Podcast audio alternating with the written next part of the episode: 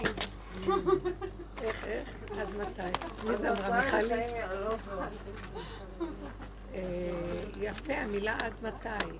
המילה עד מתי זה... עד, יש בה את המילה עד. עדי עד. ומתי זה, יש פה את המילה מת י'. זאת אומרת שאין אה, זמן, אני קולטת בתהליך של העבודה הנפלאה הזאת, החקירה הקדושה הזאת של כל התודעה שאנחנו חיים בה, שהיא הולכת ומסתיימת, החקירה. כי גם התודעה היא, היא בעצם לא קיימת. אנחנו, על ידי הדמיון שלנו, מחיים אותה ומקיימים אותה. ברגע שמתחילים לשים עליה פנס, אנחנו מתחילים לפרק אותה. זה מה שקרה פה. אנחנו מפרקים את הדמיון שיש פה. מפעם לפעם לפעם לפעם, למציאות למציאות למציאות, תוך התבוננות בתהלוכת החיים שלנו, ואנחנו מגיעים למקום ש... שאומרת עד מתי? גבול. הגבוליות, שזה מה שדיברנו, היסוד הגולמי, שאנחנו נוגעים בו, וביסוד הגולם הזה, אם אנחנו יצאנו מהתודעה, אז הגולם הזה מאוד קשה לו בעולם. כי איך יכול להיות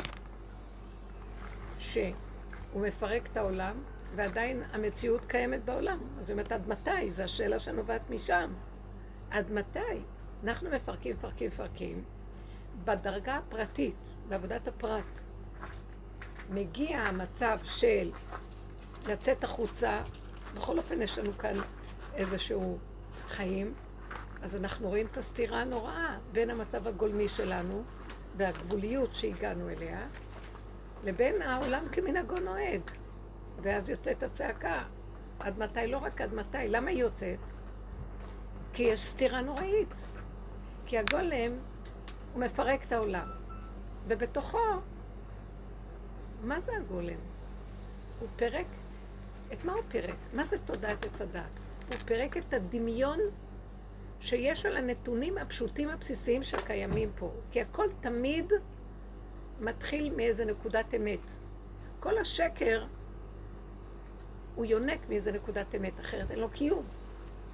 אבל הוא יוצר מציאויות, פסאודו מציאות, כאילו, כאילו מציאויות. וככה אנחנו כאילו חיים, כאילו במחשבות, כאילו בהבנות, כאילו ברעיונות, עפים באוויר, כאילו הכל, כאילו הרגשות, כאילו... אנחנו פועלים פעולות, וכשאנחנו מגשמים פעולות ברמה של כאילו, תגידו, זה סכנת חיים. אנחנו לא מבינים באיזה סכנה אנחנו חיים בכדור הזה. אנחנו המכלים של עצמנו. אנחנו יוצרים את המלחמות שלנו. אנחנו יוצרים את המיטות המשנות, את המחלות. אנחנו יוצרים את כל הבלגן של המציאות של החיים. בן אדם יוצר לעצמו את החתונות שלו, הוא יוצר לעצמו את הסגנון של החיים שלו, הוא סוג, והוא צועק.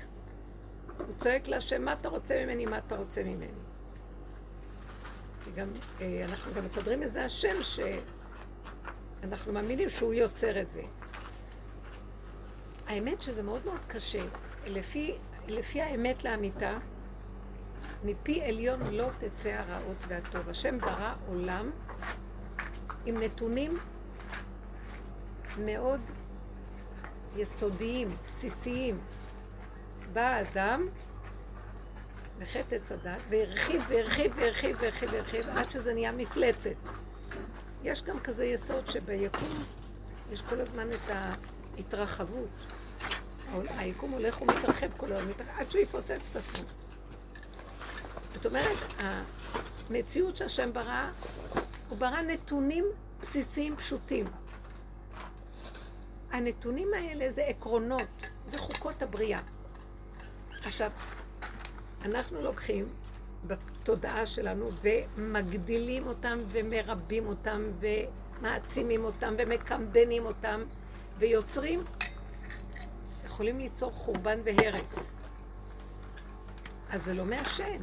הוא נתן נקודות בסיסיות, עקרונות, וכשהעקרונות האלה משתלשלים מהשתלשלות להשתלשלות, הם מתגדלים, אבל תמיד חטא עץ הדעת הוא לא התחיל מהעולם הזה למטה. יש פה איזה שורשים קדומים של התרחבות, אבל כשזה מגיע לעולם הזה, זה כמו המחלה. זה מאבד כבר אין, אין שליטה.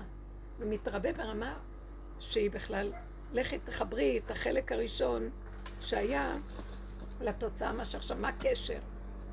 מה שאנחנו עושים בעבודה, לוקחים את המציאות של החיים. מאיפה אנחנו מתחילים? למה שנחקור אם הכל בסדר? מצוקות. מצוקות, צער, רוגז, מה חווים. ואנחנו מתחילים לפרק, לפרק, לפרק, לפרק. לפרק את הרוגז, לפרק את הרגש, רגז ורגש, ואז אנחנו רואים שזה מושתת על הרבה מחשבות, ושיש להם הרבה אפשרויות, ואז אנחנו מתחילים לצמצם, לצמצם, לצמצם, ומגיעים לחלק הראשון. החלק הראשון הוא גולמי, גולמי ראו עיניך. הגולם הזה, זה בורא עולם. בגולמיות הזאת יש בורא, יש בסיס, זה אמת. עכשיו, מה שאנחנו רוצים לעשות על ידי הפירוקים, לנגוע בנקודת האמת של הבריאה. מאחוריה מסתתר החיות שממנה זורם הכל. היא דרגת חיות. וזה כל העבודה שאנחנו עושים פה. עכשיו, מגיעים באמת לרגע הגולמי, זה מה שאמרנו, ואנחנו יוצאים לעולם, לא שיוצאים לעולם, אנחנו באמת, מי שעובד בעבודה הזאת, הוא מתכנס. מאוד קשה לו להש, להשתייך למה שקורה בעולם. מפעם לפעם לפעם אנחנו כבר מבינים שהעולם הוא איזה מוטציה של התפתחות של רקמה ש... שכבר השתגעה על עצמה ומאוד קשה למחזר לה את השורש מאיפה היא באה. אז אנחנו מצטמצמים ומתמקדים. בלי שנרצה, בתוך הצמצום שלנו, עד אלינו העולם יכול להיכנס. במשפחתיות, בהנהגות המשפחתיות, אפילו במשהו שאת הולכת לאיזה סידור או משהו. בלי שתשימי לב, אני יוצאת רק לעשות איזה משהו קטן. אני יכולה בשנייה ללכת לאיבוד בעולם, אני סכנת מוות, לא יכולה. אז אני חוזרת לגולם שלי. אבל גם הגולם, הוא כל כך נהיה גבולי, שהוא באמת לא יכול להישאר, הוא לא יכול, כי העולם ממשיך סביבו. אז יש עכשיו איזה מצב של סתירה מאוד גדול, ואני רוצה לדבר על זה.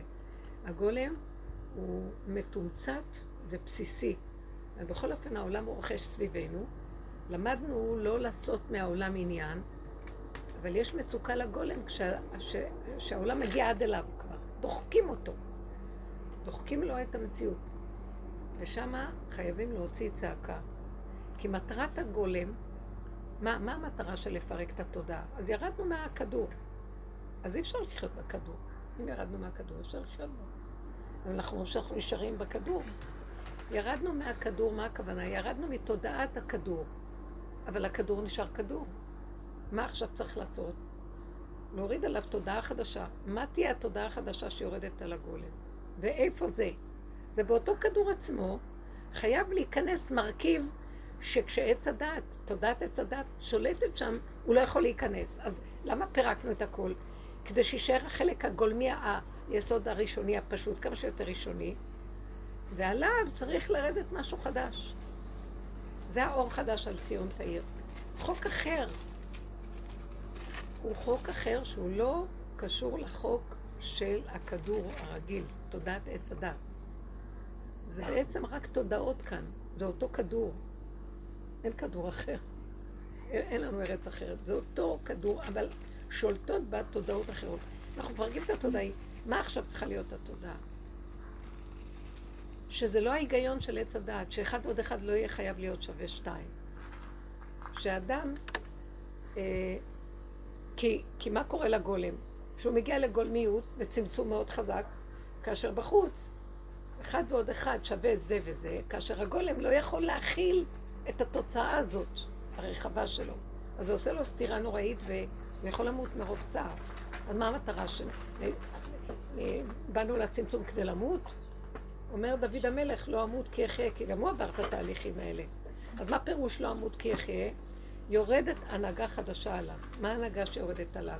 הוא מתחיל לעבור פאזה אחרת, וזה מה שאני מרגישה שאנחנו יכולים להיכנס לשם, וקרובים מאוד למקום הזה, וכל אחד חווה את זה בדרך שלו, אבל זה כבר מתחיל להיכנס. אנחנו עוזבים את חוק הכדור הקודם, ומתחילים להיכנס לחוק חדש. החוק החדש הוא חוק שלא חייב שעל מנת להשיג משהו אז צריך לעשות את התהליך הזה וזה וזה וזה שווה תוצאה כזאת. בכלל לא חייב. לא חייב ההתרשמות של ההבנה וההתרחבות שלה וההתרגשות ממנה וכל המהלכים של החוקים פה. זה מעט המחזיק את המרובה. הגולמיות יכול לרדת עליו, הנקודה הראשונית, הוא מתחיל לגלות עוד פעם את היסוד הראשוני של הבריאה, והיסוד הראשוני הזה, איכשהו ככה, הוא יכול לפעול בלי כל התהליכים. זאת אומרת, הוא מדלג, מקפץ על ההרים ומדלג. והוא יכול לתת לנו תוצאות מכיוון אחר לגמרי. אתה צריך משהו?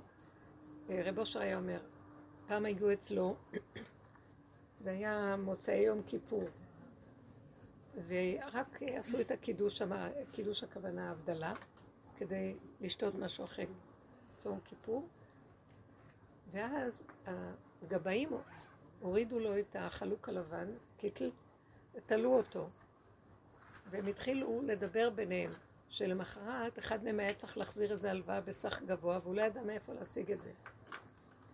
ואז הם מדברים מה לעשות, מה לעשות, מה לעשות. ואז רב אושר שומע אותם ואומר להם, מה הבעיה שלכם? כסף? הוא מדבר בשקט. מה הבעיה שלכם? כסף? זה לא הבעיה, כסף. כסף זה לא הבעיה.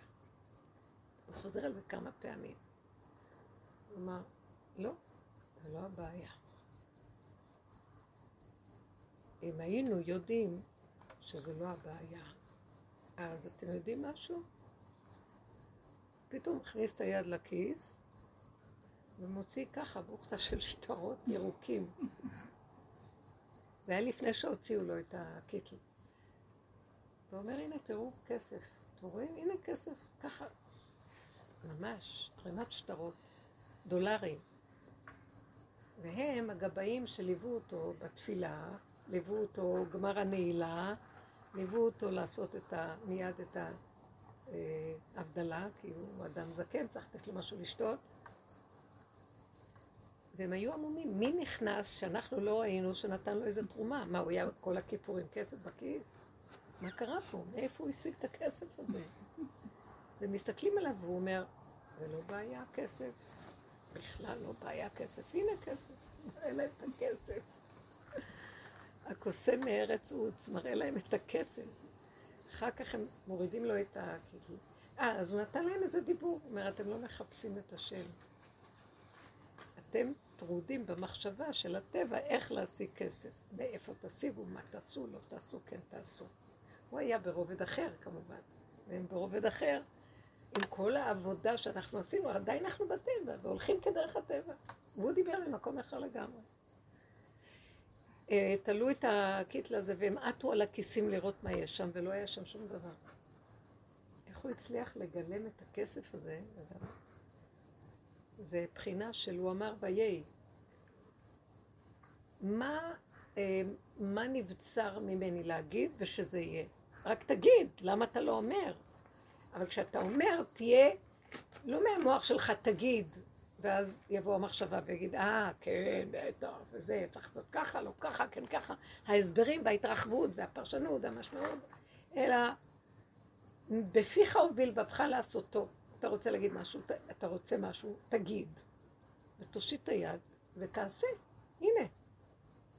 הוא חיבר את כל המציאויות בצמצום הנורא של החלק הראשוני, ושם התגלה הבורא. עוד פעם מחדש. כאילו, אני מרגישה שבאמת, זה לא פנטזיה.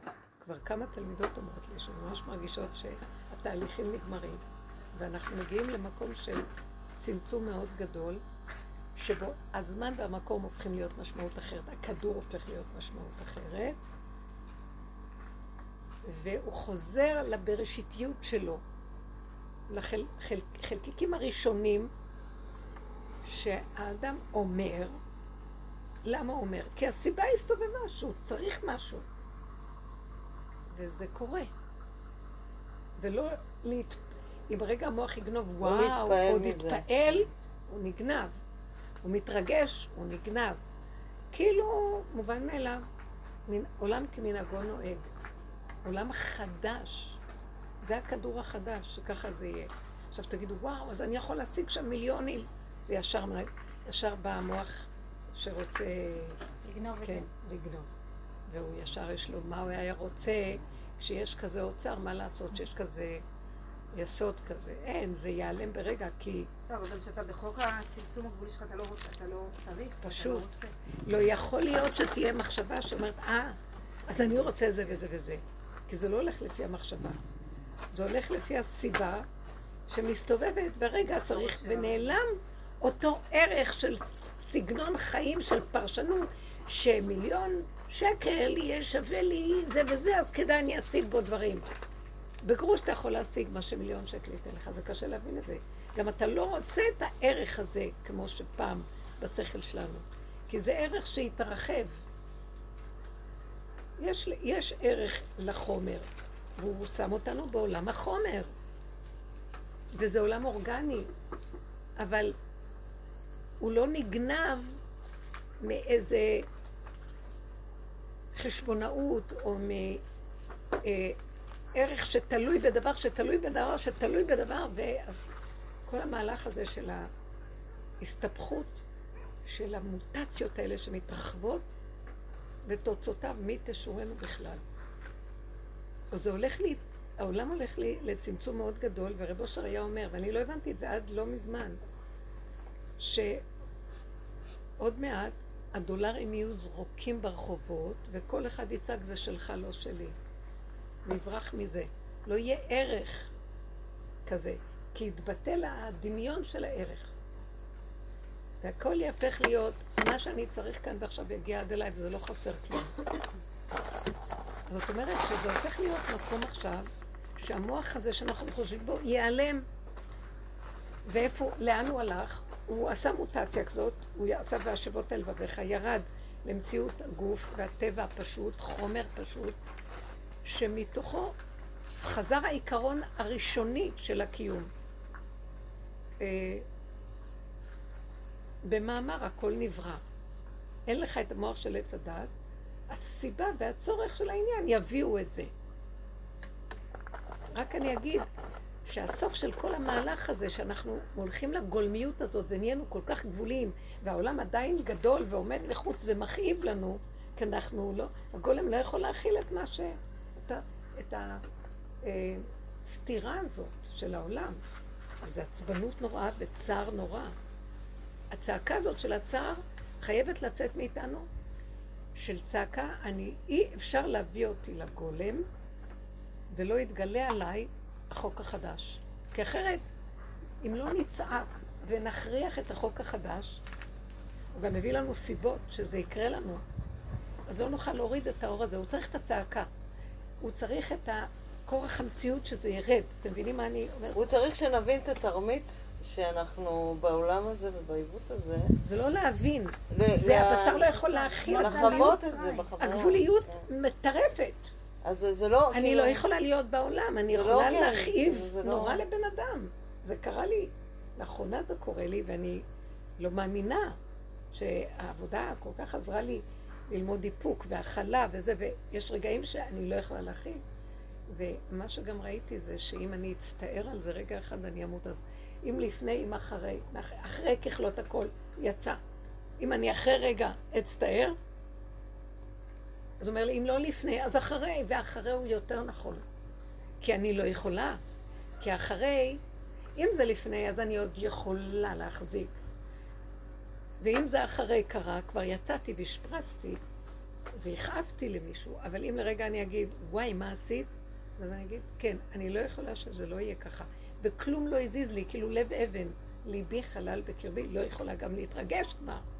במקום הזה מתבצרת איזו נקודה חדשה של, זהו, שם אני מתגלה.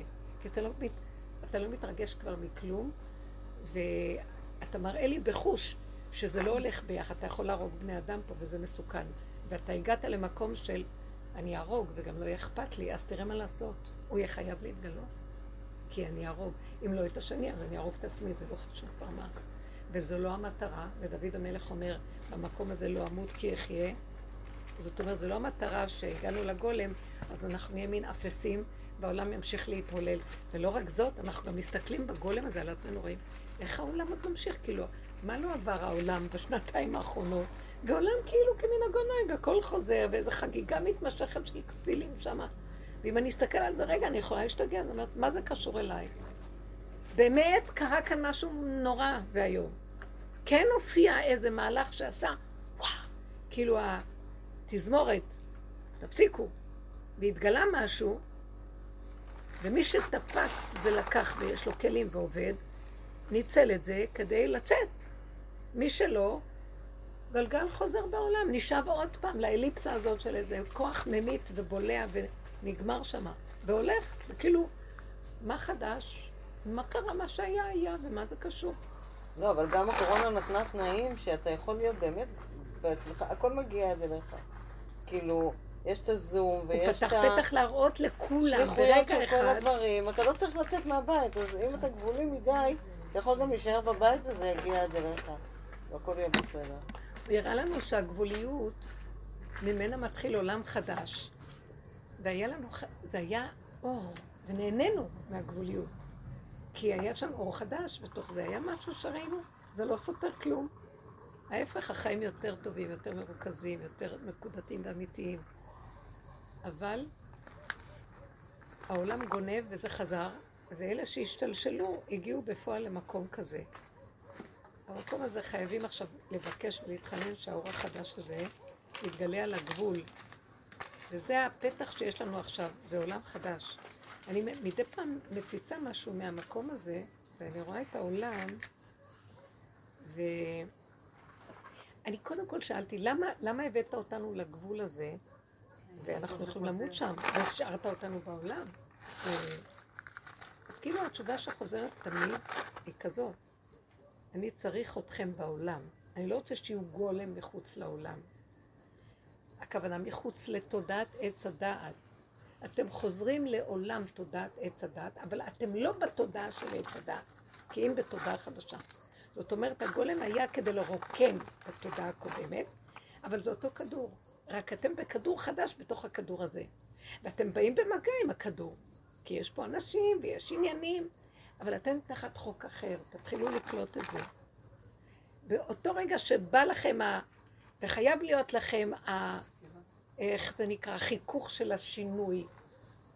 חייב להיות, כי הגולם לא יכול לסבול את מה שקורה בתודעה של העולם, תודעת הגולם. אז אתם, אני בכוונה צריך את החיכוך הזה, כי ממנו יוצא הניצוץ של הגילוי שלי. זה התנאי לגילוי. אז יצא לכם, רק אתם תהיו ממוקדים, תנו את הנקודת צעקה, אני, איך, אני לא יכול. הגולם לא יכול להסתדר עם הדבר הזה, הוא חייב אותך. המקום הזה שאני, ברור לי שאני לא, וחייב משהו אחר, מכריח אותו לרדת. צריך את זה. בכל החוק של הבריאה קיים הדבר הזה. הכורח של הדבר יוצר אותו. הוא חייב להתגלות. אז המטרה שלנו להיות בעולם זה להכריח אותו להתגלות. ולמה הוא צריך להתגלות בעולם? שיתגלה בבור שלי בתוך הגולם. כי הוא רוצה לעזור לעולם. מעוניין להציל את העולם. והעולם הדפוק מכלה את עצמו, ויש בו נשמות יקרות, אני לא יודעת, מחשבות של השם יתברך, ואנחנו מהווים, הגולם הוא כמו איזה צינור וכלי, שהוא מוליך אותו פה, ומוליך אותו פה, ומוליך אותו פה, וזה לא קשור אלינו בכלל. בתוך העולם, ומה זה קשור? מה, למה אני אומרת זה לא קשור? כי אם רגע אחד אני אסתכל בעולם ואני אתחיל להביע דעה על העולם, הלך עליי. אסור לי להביע דעה ולהתרגש מהעולם. כאילו, גם זה משהו. ולאחרונה, יש לי כאלה תמונות שאני כאילו מסתכלת ואני רואה דבר מעניין. אני כאילו, מת- משהו, הבזקים של הסתכלות מהמתרס החדש על המ- המקום הישן. ואני אומרת, זה לא, זה לא אמת. כאילו, זה נראה לי הצגה. זה נראה לי כאילו במה ויש הצגה. וברור לי שזו הצגה, ומשהו בוחש כאן ומסדר את ההצגה. זאת אומרת, זו הצגה מאוד מעניינת, שהבן אדם שמציג יוצר את ההצגה של עצמו, והוא המסתבך בסבך של עצמו, והוא עושה הכל. אימפרוביזציה. אה? אימפרוביזציה. זה משהו מאוד מעניין. זאת אומרת, אה, אה, חוק ההסתברות יוצר לו את ההמשך של ההצגה, והוא יוצר אותה עם ה... ואת מסתכלת על המהלך ואת צוחקת על ה... זה גם... זה... אני אגיד לכם את האמת, היא גם מאוד מעניינת. היא תוכנית מעניינת. כן, זה מדויק. אם היינו. מורידים, אם היינו מורידים ממנה את הרגש ואת ה, מה שנקרא ההשתייכות, האחיזה הרגשית של ההשתייכות. מה? הבעת הדעה והשיפוטיות והכל. זה יכול להיות הצגה מאוד מעניינת, אבל היא גם מסוכנת, כי ברגע שנכנס האדם להתרגשות היתרה, הוא מסתבך, הנחש מתחיל לסבך אותו, ויכול ללכת לו לאיבוד. יכול, זה הטרגדיות מסתיימות באיזה מין שיכולים להרוג שם. והמהלך שאני מסתכלת, אז, אז, אז נהיה לי מין מצב כזה שאני צוחקת, אני אומרת, אה, זה לא אמיתי כאן כלום, מה את לוקחת ברצינות מה שקורה פה? למשל, אני לא מרגישה ששייך לי בכלל להתרגש, מה, איזה ממשלה תלך, מי ייכנס, מי ילך, מה יבוא, לא זה יהיה. ממש מרגיש כמו הצגה. משהו קורה בעולם של... זה לא משנה. זה, זה לא משנה, זה לא אמיתי בכלל, ממילא. אפילו בזמן המלחמה, שהיה בזמן החומת מגן, הפצצות והכל, נתן לי תחושה חזקה שזה לא אמיתי. לא יודעת להסביר את זה, זה, זה כאילו, זה לא אמיתי. משהו כאן קורה וזה לא אמיתי. אבל יש דבר אחד שזה אמיתי בתוך כל זה, וזו האמת הכי גדולה. שלי יש מצוקה רגע בין ההפכים, זה המקום שאני נקראת לדגל לתת את הנקודה כדי שהוא יתגלה, וזה האמיתי. אתם מבינים? לא, לא יכולה להכיל, הגולם הזה, הוא, הוא מכריח את הגילוי של החוק הראשוני מחדש להתגלות. אבן השתייה, היסוד הראשוני שעליו מושתת הכל, ולהתחיל הכל מחדש. לאפס את המצב. וזה דבר מאוד מאוד גדול, כי אנחנו לא יכולים לשנות מה שקורה פה. זה כבר יצא מגדר שליטה. כלומר, המציג על הבמה כבר התחיל להתרחב, זה כבר איזה מין משהו משונה ש... אתה יכול לצחוק, כי אתה יודע שבסופו של דבר זה לא רציני, אבל בכל אופן יש כאן איזה משהו שאתה לא היית רוצה להיות מעורב בו. זה הולך לקראת המקום הזה. עכשיו בואו נסתכל על הגולם הזה שנמצא בעולם, והוא לא קשור, מה יהיה החוק שלו? בואו נסתכל על אותו, אותם אנשים שיצאו. לאיזה חוק הם נכנסים בעצם? כי תמיד אנחנו תחת חוק. מה החוק של הקבל החדש? זה חוק היחידה, זה לא חוק רשות הרבים בכלל. זה... והוא כל רגע מחדש נוצר, אבל במקום מה, ש... מה שאנחנו רואים על הבמה, שהם יוצרים את המשחק של עצמם, הם מושתתים כבר על המון המון המון המון מרכיבים, כאשר אנחנו, יש לנו את המפתח של המרכיב הראשוני, לסגור אותו ולאפס מחדש. ומחדש ליצור, ולסגור ולאפס. אני מרגישה שאנחנו יוצרים פה עכשיו את המציאות מחדש. כלומר, אם רגע אני אפתח את המוח ואני אתרבה במחשבה הזאת, אז אני כבר יצאתי מהאפשרות של היצירה הנקייה. האינטרס, המחשבות, הרגשות, ההבנות, אסור שיהיה כלום. זאת אומרת, אסור לי להביע פה דעה, הרגשה, כלום. זו הסכנה יותר גדולה עכשיו. כשאנחנו, הגולם הזה שחוזר לחיים, שהוא משתלב, הוא לא, הוא לא, זה לא שלו, הוא רק כלי שדרכו קורה משהו. אז הוא צריך מאוד מאוד לשמר את החוק, שלא יתרחב, אחרת האור הזה נעלם. זה אור של היחידה, הוא לא סובל ריבוי. הריבוי גונב לו את נקודת האמת ומתחיל לקלקל עם זה, וזו הסכנה הכי גדולה.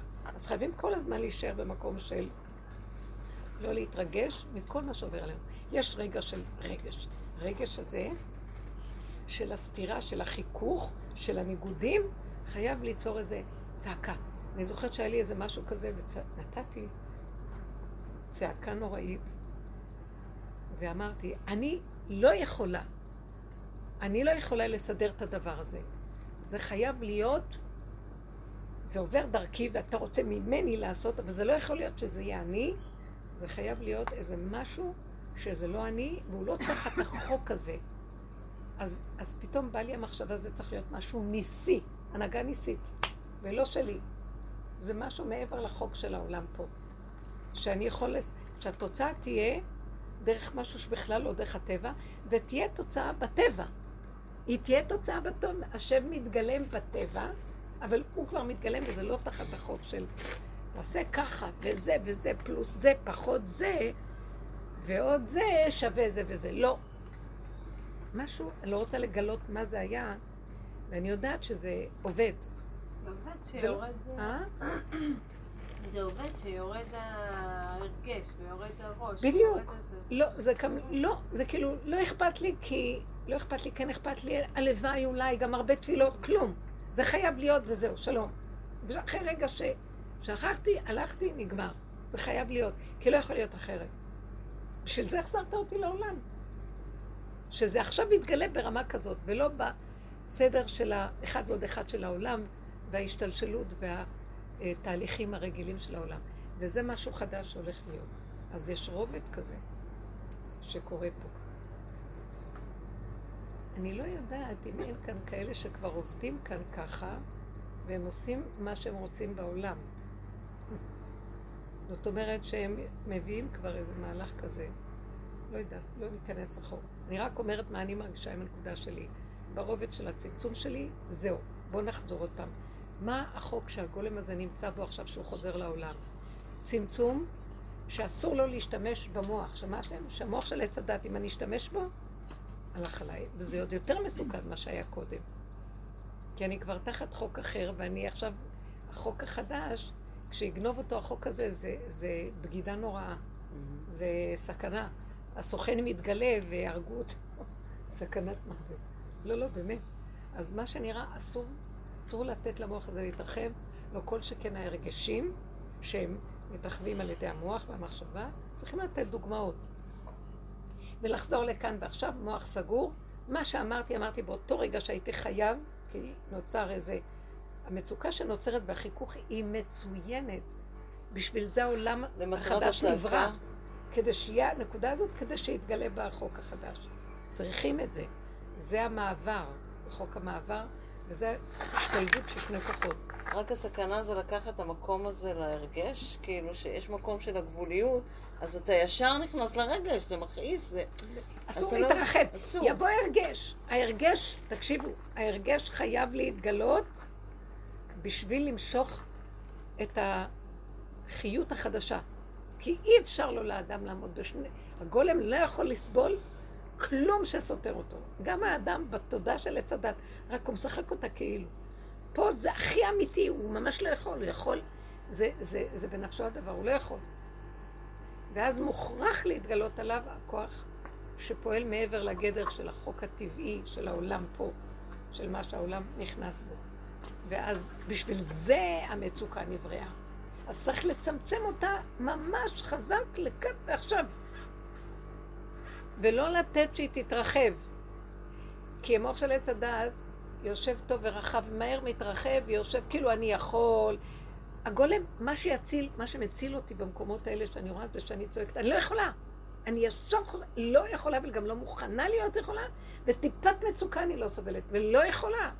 זה כאילו הופך להיות פיקוח נפש ממש. הגולם הוא בפיקוח נפש. כל הגולם, המציאות שלו, כל רגע שהוא חושב שהוא הולך למות. הוא לא במצב, אתם מבינים? יש לו יראה שהוא מתבטל ממציאותו. תולה ארץ על בלימה, שמה רק מתגלה הכוח החדש, האלוקי. רק זה התנאי שהוא מתגלה. כי אין לו ריבוי. ואנחנו בתודעת עץ הדת עוד יושבים טוב, וכאילו יכולים, וסובלים, ומכילים. והגולם גם יכול לדון את עצמו שהוא לא מכיל כלום, ואז הוא יורד על עצמו. לא לרדת. כי בכוונה שאנחנו מגיעים למקום הזה, אבל להוציא משם את המקום, אני לא. חייב לבוא משהו, מרכיב אחר, שיתחבר ללא הזה. זהו, אם לא קצר נוראי.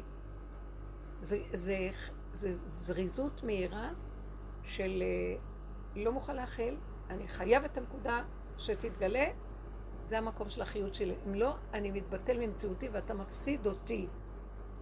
אתה מפסיד אותי, זה התהליך של הגילוי החדש. זה נקרא לחיות את הסכנה ככה. כאילו אנחנו הולכים על... אה, אני אמרתי לכם שהיה לי פעם איזה חלום כזה, סיפרתי את זה באחד השיעורים, כאילו שאיזה יד לא... אני זוכרת, זה היה ככה, סיפרתי את זה. פעם הייתי בדיוק חזרתי מאיזה נסיעה ארוכה מחוץ לארץ, ובאתי, זה היה מוצאי שבת, ישר אמרתי, אני באה לחצר של רב אושר. אה, אז ירדתי שם בחצר, והבת שלו יצאה בדיוק, עמדתי ליד הדלת, היו מלא אנשים, לא היה סיכוי בכלל שאני אכנס. ואז הבת שלו, אה, עליה שלום, לאה קליר שנפטרה, יצאה, וישר היא ניגשה אליי, כאילו היו מלא אנשים. אז אני עמדתי שם בצד, והיא ניגשה אליי, והתחילה לדבר איתי, ואני לא הבנתי חצי מילה ממה שהיא אומרת, כאילו, לא קולטת מה היא אומרת. דיברה ודיברה ודיברה, וזהו.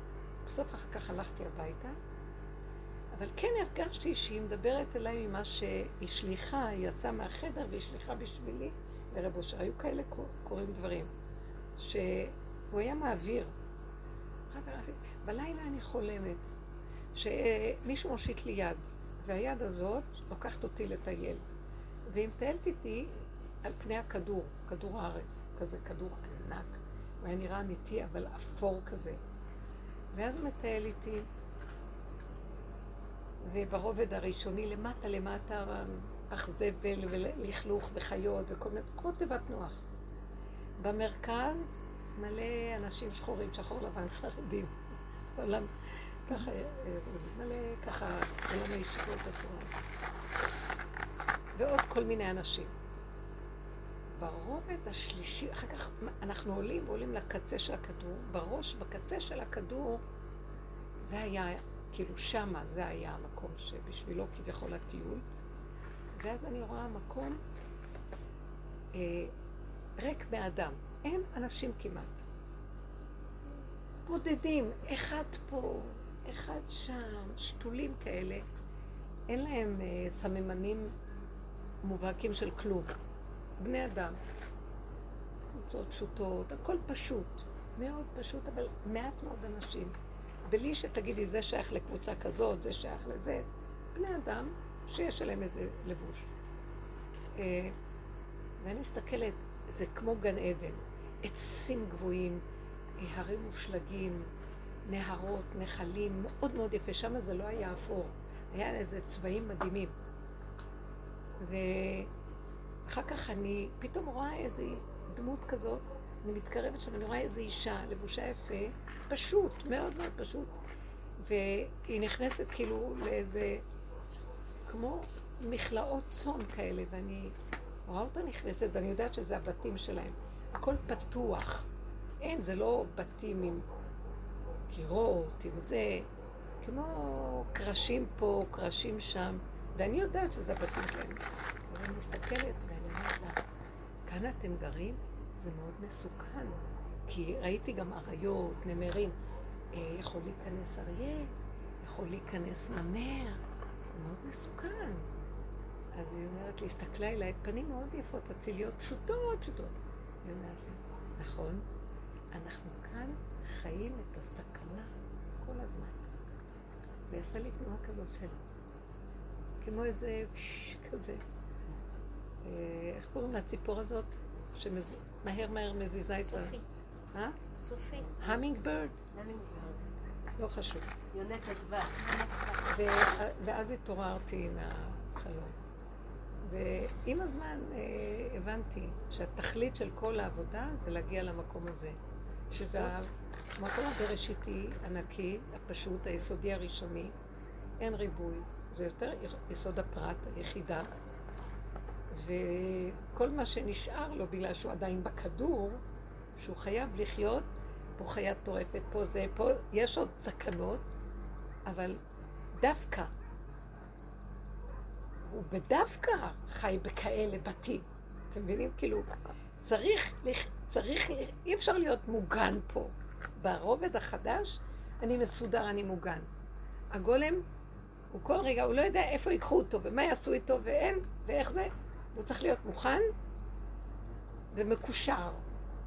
ומשהו כזה. כאילו דרך הסיבות שהבמאי ש- שולח. הסיבות לא, זה לא בא מהמוח שלו, זה לא בא מהאחד ועוד אחד שווה, והוא אה, מה שנקרא חוק הסברה וההסתברות והנסיבות. זה חוק אחר. חוק שהוא לא קשור אליו, אבל הוא חייב לחיות, הוא חייב להיות צמוד רק לעצמו, בלי שום ריבוי. זה מוזיקת רקע, תמשיכי לדבר, זה טוב. עמוד האש. נדירות ובאמצע שיעור. תתקשרי אליך אחר כך. אין דבר, אין דבר, סליחה, מותק שלי. נדבר אחר כך. נדבר, נדבר, אני אתקשר אליך. אני אעשה את זה על שקט. כן, שמתי את יוסלה, מישהי שמה לי את יוסלה רוזנבלט. יפה. אני אוהב את זה, אני אוהבת את ה... קצת, איזה כינור כזה בכדור החדש, זה ככה מוזיקה. זה לא המוזיקה זה. נחמד שאת מדברת ויש מוזיקת רקע. זה יוצר את זה יותר אה, שמימי. אנשים מתקשרים, ואני כל כך נהנית מהמוזיקה, והיא עשתה לי את זה שלוש פעמים חוזר, אז אני לא עונה לטלפונים כדי, רציתי את זה בשבילי.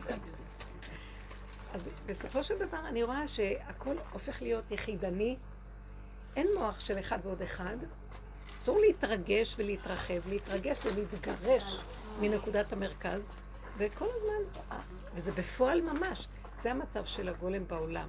הוא בעולם, אבל העולם לא שלו, אין לו את המוח הרגיל שהוא ילך לאיבוד. יש רגע שהוא יכול באמת להיות במצוקה, כי העולם סותר כל כך, והוא כל כך בגבוליות, אז ודווקא שזה יהיה ככה, על מנת שהוא ייתן את הנקודה שם כדי להכריח מצב ניסי, לא יפגע בו כלום. לא יפגע בו כלום, גם לא אריה. אריה יפחד ממנו. זה המקום שאנחנו נדרשים אליו. אז לכן, כשבאה איזה מצוקה, בואו ניקח את עצמנו, כשאנחנו בגולמיות ולא יכולים להכיל. הרגע של המצוקה שבאה, בדרך הטבע אני לא סובל את זה ואני רוצה, או שאני מתרחבת בכעס על המצב, כי אני לא יכול לסבול, או שאני מתייאש ומבקש נפשי למות, בורח, אני גם בורח מהעולם. לא, הוא לא רוצה שנברח. הוא גם לא רוצה שנתרגש ונתגרש מנקודת הגולם. שם מתגלה הפרפר, זה בדיוק הריאקציה שתהיה מוביל- מובילה אותנו. מתגלה הנקודה שלנו. עכשיו הפרפר הוא לא חי הרבה זמן, הוא בא לזמן והולך. הוא לא, הוא לא, אין לו הרבה, הוא זמני מאוד. הוא מתגלה, ו... אז האלוקות גם כן, גם בכדור החדש, היא לא קבוע והיא לא נמצאת כל הזמן. היא באה, עושה גיחה, עושה ישועה, ומחזירה אותך עוד פעם. הגולם הוא הבסיס הנצרך בכדור החדש. כמו איזה... תקשיבו, והגולם הזה, הוא לא נגיד הוא גולם מטומטם. הוא בוקע מתוכו חוכמה של השכינה מתוכו. מה זה, מה זה השכינה ומה זה בעלה וזה אור? יש מה שנקרא אור של ההוויה. כדי שהאור של ההוויה ירד צריך את הכוח של השכינה. הגולם הוא כלי לגילוי של השכינה. ואז זה יכול להוריד עליו את האור הניסי. השכינה זה לא, אני לא יכולה לקרוא לזה אור ניסי. זה אור של טוב, של ברכה, של שפע, של שמחה, של חיות, של חוקות הטבע, איך שזה ככה. מבינים? זאת אומרת, השכינה תחיה את האריה ואת הנמר, כמו שהיא תחיה את הבן אדם שהולך לו מפה לפה לפה הגולם. אבל כאשר שני הכוחות האלה מתקרבים, צריך משהו מעבר לזה, שלאריה לא יהיה כוח לטרוף. זאת אומרת, השכינה זה הכוח האלוקי ששוכן איתם פה, חוקות הבריאה שקיימים פה, והם הולכים לפי החוק. זה מה שנקרא שם שדי, שאמר לעולמו די, שם שקי. זאת אומרת שהוא גבולי, וכל דבר יש לו את הגבול שלו, ולכל דבר יש חוק קיומו. אז היא, מח... היא מחיה את החוק של הקיום. בכל אופן, כדי שיהיה איזו הנהגה שמתגברת על הכוח של שני ההפכים, צריך להתגלות שם ההוויה באמצע. זה נקרא ייחוד קודשא בריחו ושכינתי. למה משה רבנו אומר, ילך נא השם בקרבנו? כל הזמן דואג שכן תהיה שכינה פה. כדי שדרך זה אפשר יהיה להוריד את האור הניסי, כדי שאפשר יהיה לעשות דברים שאם נצרך פה, אפשר יהיה לעשות. אז שימו לב את החוק של השם. השם, אני חושבת ככה, לפעמים אנחנו חושבים, הלאה, אה, תבוא הגאולה, השם יחריב את העולם ויתחיל עולם חדש. משהו מאוד מעניין. החוק האלוקי הוא אחרת. הכל שייך לו. וכל מה שיש פה זה שלו. גם הכדור שהתודעה של עץ הדת שולטת בו, זה גם הכדור שלו. התודעה היא הנחש. אז הוא רוצה להציל את העולם מהנחש, אבל הוא רוצה את העולם.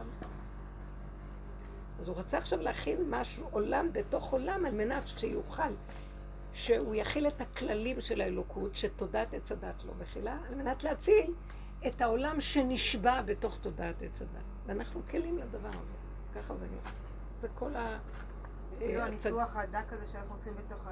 איך, איך? כאילו בעבודה זה הניתוח הדק שעשינו עם הפגם, זה כאילו היה כמו הניתוח להפריד אותו. את הנחש מתוך ה... כאילו לא להרוג את הכל, אלא להוציא רק את ה... בדיוק. אי אפשר, אי אפשר להרוג את הכל, כי השם חפץ בעולם. וזה, זה מה ש... איך אתה יכול אה, להרוג את הנחש, ולא להרוג את העולם שכולו רווי נחש? וזה לא דבר קטן שאפשר לעשות את זה. אנחנו יכולים כאילו לברר את הנקודה, אבל התהליך הסופי יהיה התיקון הכללי, גילוי ההוויה בתוך המציאות שהכנו לכלי, ויש בשכינה. זה עבודת בירורים. החוק של השכינה מתגלה זה הנאמני ארץ, אלה שהם נאמנים לדרך, גבוליים, שם מתגלה חוק השכינה. בקטנה, כל עבודתו של רב אושר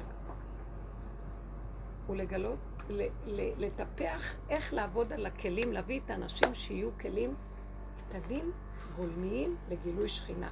החלק שלו היה פה. ואני אני ראיתי מה קרה, כשהוא עבד על המקום הזה והוא נתן את הדרך בשביל להגיע לזה, הוא הצליח להוריד הוויה מאוד גדולה שעשתה ניסים ונפלאות. מה זאת אומרת שמהכיס הוא מוציא כסף? זה לא חוק הטבע. יש מאין.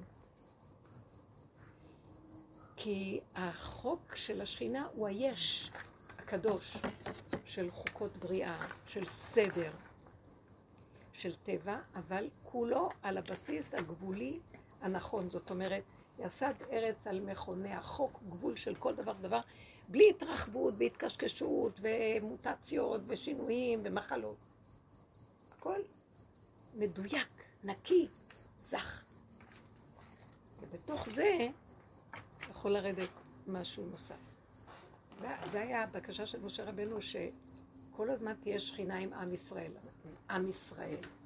כי עם זה מלשון החלק הנמוך, העוממות, החלק הנפול, הגולמי. אז אנחנו בעצם בגולמיות, אנחנו כלים גולמיים. אנחנו, אולי אנחנו מסמנים את הפגם. מה זאת אומרת אנחנו? עם ישראל, אולי גם ל- ל- לגויים, אולי, לא יודעת, כאילו, מיקרוקוסמוס. כאילו. אני אגיד לכם מה, מה זה הפגם, אנחנו דיברנו על זה הרבה. תודעת עץ הדת, כשהיא מציצה על הטבע, היא שודדת אותו. היא תודעה שהיא אה, שואבת, היא, היא שובה את המציאות של הטבע, והיא עושה אותה מפלצתית, גודל, מגדילה אותה. אז הטבע הוא לא בעיה בכלל, הטבע הוא בסדר גמור. כאשר הוא יוצא מגדר גבולו והוא מתרבה, אז הוא הופך להיות בלתי נסבל בסכנת עולם. וכל העולם שאנחנו רואים פה, הוא הולך לאיבוד. אתה לא יודע מאיפה התחיל משהו ואיך אפשר לעשות כאן סדר.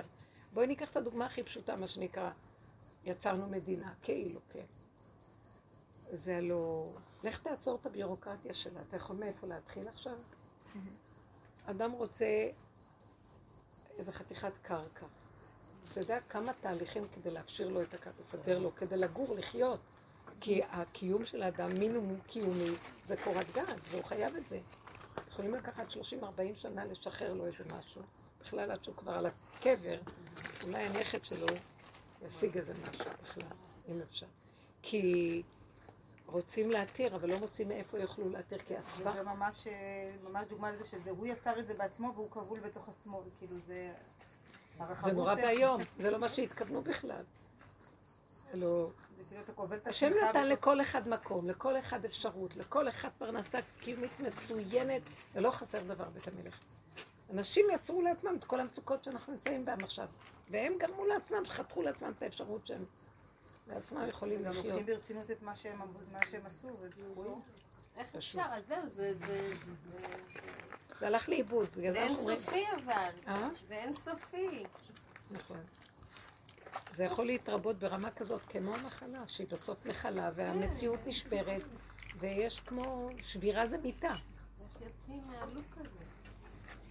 אבל זה- אבל זה- זה העולם שלו, והוא המציא את הדבר הזה, וזה הוא לא פוטנציאל. המציא את זה, לא. זה אני- זה אני אני באיזשהו מקום אומרת ככה. הוא המציא את הפוטנציאל הזה, הוא. המציא את הוא הפוטנציאל. המציא פוטנציאל, הוא נתן אפשרויות, אבל הוא לא אמר איזה קומבינה, הוא נתן את המרכיבים, תעשי את את העוגה.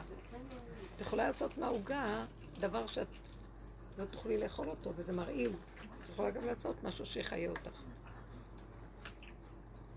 והמהלך של העולם הולך ומתרחב עלינו שאנחנו לא יכולים לעצור אותו. זה אי אפשר לעצור את הדבר הזה. אז מה שהקבוצות שעובדות ומצמצמות ונכנסות, מבטלות את כל המהלך במוח כי זה מתרחב מהמוח. זה דמיון וירטואלי. זה וירטואלי, זה לא קיים אפילו. על ידי זה שאנחנו לא נותנים לזה יכולת להתר... לא מאמינים למוח ולא מאמינים לרגש שנוצר כתוצאה מהמוח, מהסברה ומהמחשבה. וזה דבר נפלא. אז עכשיו הגולם הזה, אם הוא גם, זה המבחן היסודי שלו, הוא מחזיר אותו לעולם. טוב, הגולם ברח מהעולם, נגיד, הוא לא רוצה לחיות, הוא לא מציאות, אז הוא ברח לבור שלו.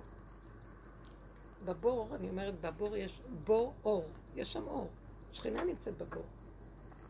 אז הוא יכול לחיות טוב בבור שלו. אני ראיתי, אני יכולה לברוח לתוך עצמי. אין יותר טוב מזה. אני שמחה עם הקטנות שלו, נתן לי שם, נותן לכל אחד ואחד בגולם, מחבר אותו ליסוד הראשוני שלו, של מה שהתכונה שלו מסכימה, הוא מברך אותו שם, נותן לו הכל, אפשר שם להישאר. ברגע שהוא, מפ... אז, אז הוא בעצם, מה קורה? בבור הזה הוא מתנתק מהכדור, ויש לו את הכדור שלו. הוא רוצה את הכדור שלו להביא בתוך הכדור הגדול, זה מעניין יותר, כי אחרת מה? מה יש לו? אין לו שעשועים מהמצב הזה. עכשיו, הוא רוצה להעביר את זה למקום הזה, אז הוא יביא, אז המקום הזה יוצר מצוקה, יוצר חיכוך, יוצר איזה מצב של... כי זה סותר. את זה הוא רוצה. הסתירה הזאת מגלה יכולת של גילוי הוויה. זה משהו שמביא אה, אפשרות לעזור כאן ולסדר את העולם ברובד ניסי שלא בדרך טבע. זה יסודו של משיח.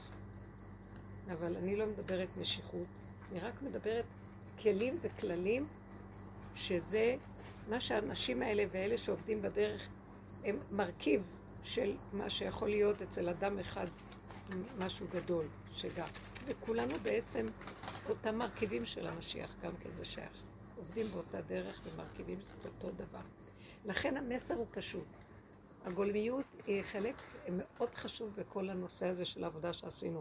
לפרק את התודעה הזאת של ההתרחבות המזעזעת, שממנה כל המצוקות והסבל והמכאובים והרוגז, שאין לה, לה אח ורע בפתרון. והתחלנו לצמצם, צמצם, והלב נהיה חלל בקרבנו, והכל התקטן והתמעט, ומצאנו לעצמנו נקודות קטנות שאנחנו שמחים ונהנים בהן, ולא חסר דבר שם, אבל הוא רוצה אותנו בעולם. אני זוכרת, עברתי איזה שלבים שראיתי שאני בגולם, אין יותר טוב מזה. כלום. אני יכולה שם להתנתק מהכל, ואין לי אפילו רואה, אין לי אפילו אה, מצפון למה שאני אתנתק. ממערכות של חברות, אה, כל מיני, כי אני לא יכולה להכין. עכשיו, ברובד הזה, הוא... יכולתי להיכנס והרגשתי שאני נכנסת לצמצום אחר צמצום, שבקלות הכי כיף שם, שקט שם, זה מתוק, ולהיעלם מהעולם. והיה איזה משהו שהרגשתי שמשהו, תנועה כזאת, מסוכן. כי אני יכולה להיכנס לשם עוד יותר עמוק, עוד יותר עמוק, אני בסכנה. ואז הוא כאילו מכריח, הכריח אותי באיזשהו שלב, ראיתי שהוא סובב לי סיבות לחזור לעולם. וזה לא היה קל, כי העולם יצר חיכוכים, ולא יכולה לסבול. ואז הייתי חייבת להוציא צעקה. זה לא יכול להיות שתפרק לי את התודעה, תגיד לי תפרקי, תוריד אותי מהעולם, עכשיו תגיד לי תחזרי לעולם, ולי אין כבר את הכוח ואת הכלי להכיל עולם, תודעה אחרת, אז אתה חייב להתגלות. ואתה חייב, היה לי איזו התנסות של משהו, אתה חייב לסדר את זה שלא בדרך טבע, כי אני לא יכולה להשתלב בחזרה בחוקים פה. לא יכולה, אין דבר כזה. לא יכולה, זה אכזרי להגיד לי, תעשי מחדש עכשיו את כל התהליכים של פעם. שלקחת כבר את כל הכוחות לתהליכים של פעם, את אותו שכל של פעם, את אותם כלים של פעם, זה לא פייר. זה השופט כל הארץ לא יעשה משפט, אתה לא יכול לעשות את זה. ואני הרגשתי שהתפילה נשמעה, כי היה לי, היה לי תסכול מזעזע, שאני לא מוכנה, זה לא מה ש... מה? אז זה, על זה היו אנשים שחזרו אחרי הקורונה, זה היה קצת אחרי, שאמרו, מה, העולם חוזר כמו שהיה? הם ראו מהמבט שלהם, ואני גם חזרתי, אבל ממבט אחר. אמרתי, זה לא יכול להיות. אתה מחזיר אותנו? זה לא יכול להיות שהעולם ימשיך רגיל. אתה חייב להתגלות בו. מה זה אתה?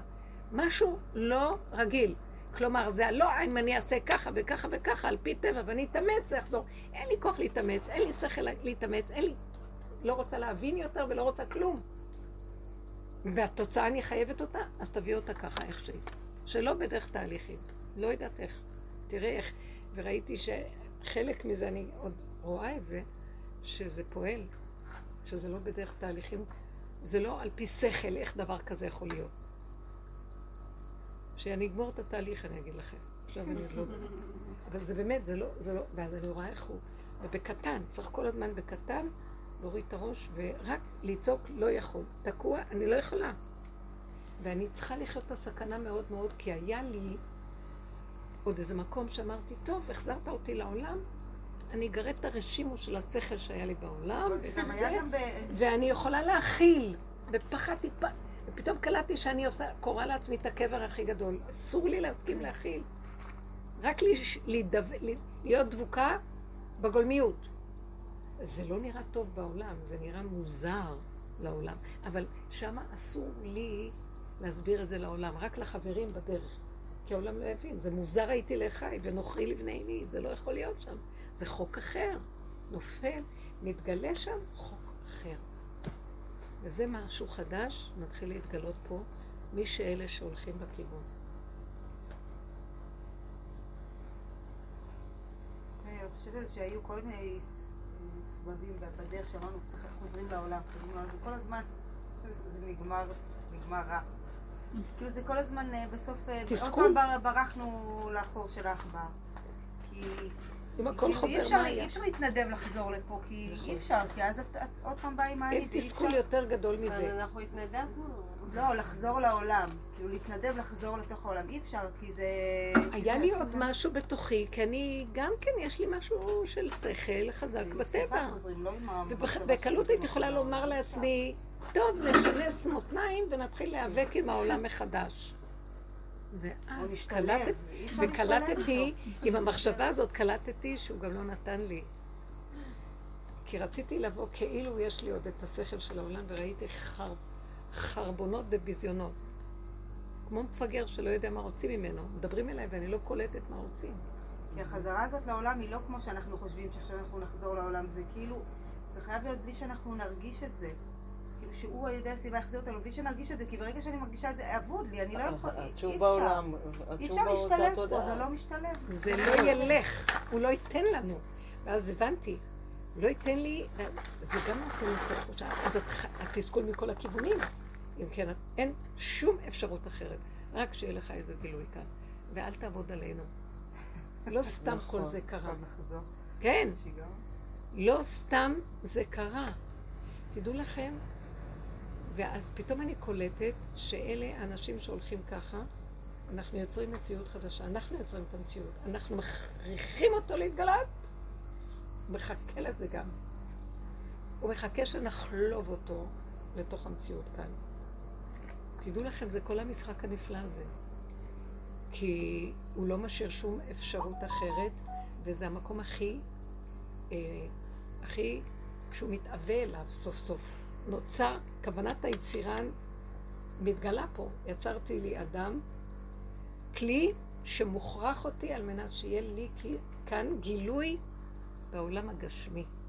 התהווה הקדוש ברוך הוא שתהיה לו דירה בתחתונים. אה, נסתכל על הפרשה הקודמת ונראה מה קרה להם שם המרגלים. אנחנו היום בעולם, תפיסת עץ הדת לא התחילה אה, אז, היא לא התחילה היום, היא מאז, אותו דבר. הם יצאו ממצרים שהיא בעצם מצב של תודעת עץ הדת מוחלטת, מגושמת ברע שלה, כן, בחלק של הרע של עץ הדת. ערוות הארץ, ערווה מלשון רוע, חי ובגלוי הכל בחוץ. בא עם ישראל, הקדוש ברוך הוא הוציא אותם משם, בשביל לאפשר להם יציאה מתודעת עץ הדת. אז עכשיו התהליך הוא, הם לא יכולים לצאת מיד מן הטוב, מן הרע לטוב, מן הרע לעין. צריך לעבור תהליך. בכל אופן, מכניס אותם למדבר, בדרכם לארץ ישראל. הנהגת המדבר לא הייתה הנהגה רגילה. משה בזכות משה רבנו, הם נתן להם הנהגה מאוד גבוהה. אבל גם ההנהגה שהייתה מאוד גבוהה לא הייתה יכולה להיות כמו הנהגה שמשה רבנו היה יכול להביא על העם. זה היה משהו יחידי של עצמו לזמנים קצרים שבגלל המציאות שלו זה התאפשר שירד על עם ישראל. בכל אופן, מה שכן הוא הצליח להוריד להם זה מדרגת מלאכיות, רוחניות גבוהה, שהיא לא יסוד העין וגילוי מלכות אור אינסוף, האור הגנוז, אלא היסוד ההפכי לעץ הדעת רע. זאת אומרת, החיובי שהוא יוצא מגדר המגושם של העולם, והוא בעצם באיזה רובד אה, של חלל אה, רוחני, מדרגת הכל- הרוח. הכל טוב? איך? הכל טוב? אה, רוחני, הפך מההגשמה של תודעת מצרים. כלומר, עטף אותם בענני כבוד, שזה לא בכלל, כמו מלאכים, מלאכים, הם אכלו- מאכילים את המן. המן זה לחם אבירים אכל איש, לחם של מלאכים.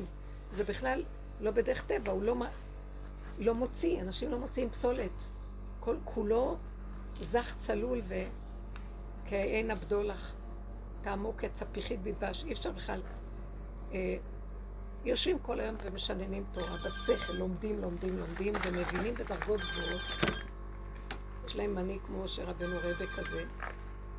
ועכשיו הוא אומר להם, תלכו לארץ ישראל, תטורו את הארץ. מה הם באים לארץ ישראל?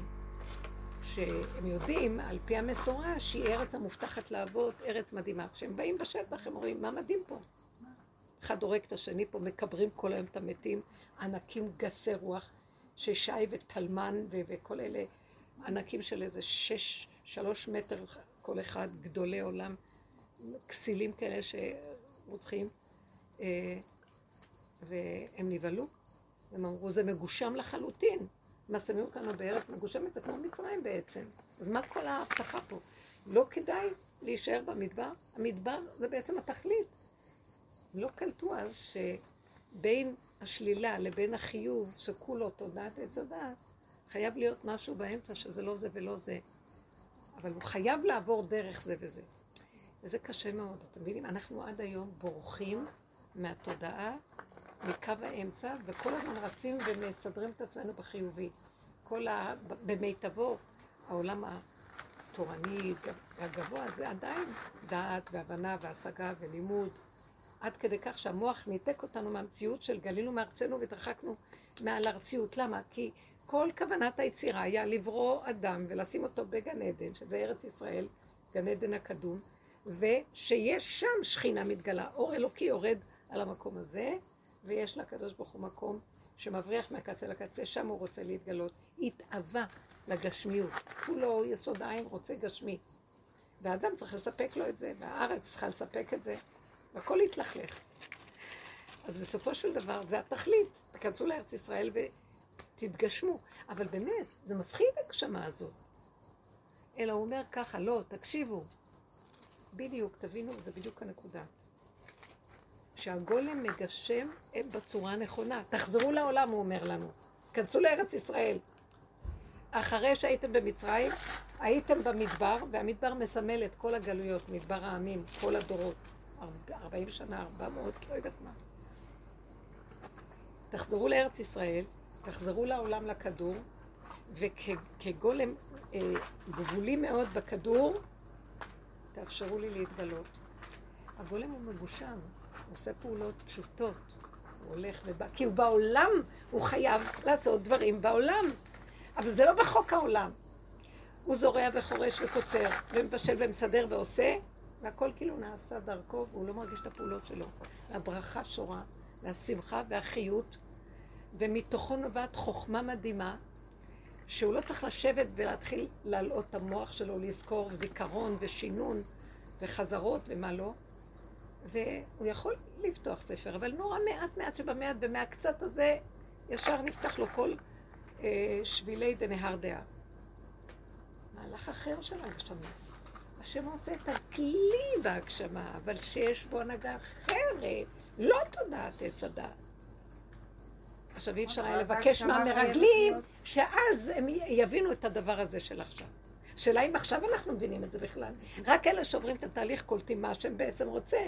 הוא רוצה גולם חכם, גולם בתוך מציאות העולם, שדרכו פועל הכל, וה, והגולם הזה בכלל לא מרגיש שהוא גולם דרך אגב, אין לו ישות. האלוקות דרכו פועלת ועושה הכל, מה אכפת לו? אני אומרת ש- שהוא בתוך העולם הפשוט הוא יכול להתהלך, אבל כשהוא בתוך הרחבות של העולם זה כבר סותר את הכל. וזה הפחד, זה מה שראיתי בקטע העליון של החלום, שהם חיים בסכנה. העולם בסדר, אין בעיה איתו, אבל הרחבות של העולם היא- גומרת. התודעה של. הנחש גונבת. מה זה זה הנחש? פחד מהתודעה של הנחש כאלוקים, בתוכי. הדמיון הזה של... שבעצם אה, הכאילו, שהוא מתרחב, אוויר, בלון נפוח, אוויר נורא. איזה דבר זה, תקשיבו. בסוף לחזור למה?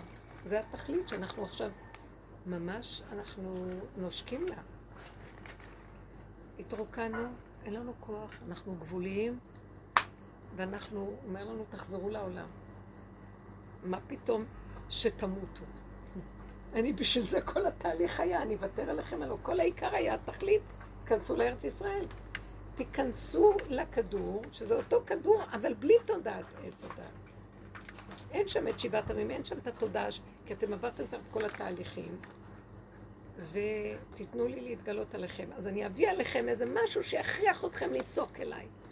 כי זה חוק כזה. כמו שהיולדת צריכה להוציא צעקה של צעקים. זה חוק. אבל זה גם מכריח אותו ש... שנהיה, כאילו, הגבוליות שלנו וזה שאנחנו לא מסכימים עם מה שקורה, זה מכריח אותו להיכנע לנו בעצם. ברור. ניצחוני בניי. זה המשחק שלו, וכך הוא רוצה. אז אני, החוכמה שלי היא גם, החוכמה שלנו, בארגון, שאין לי כוח לצעוק הרבה.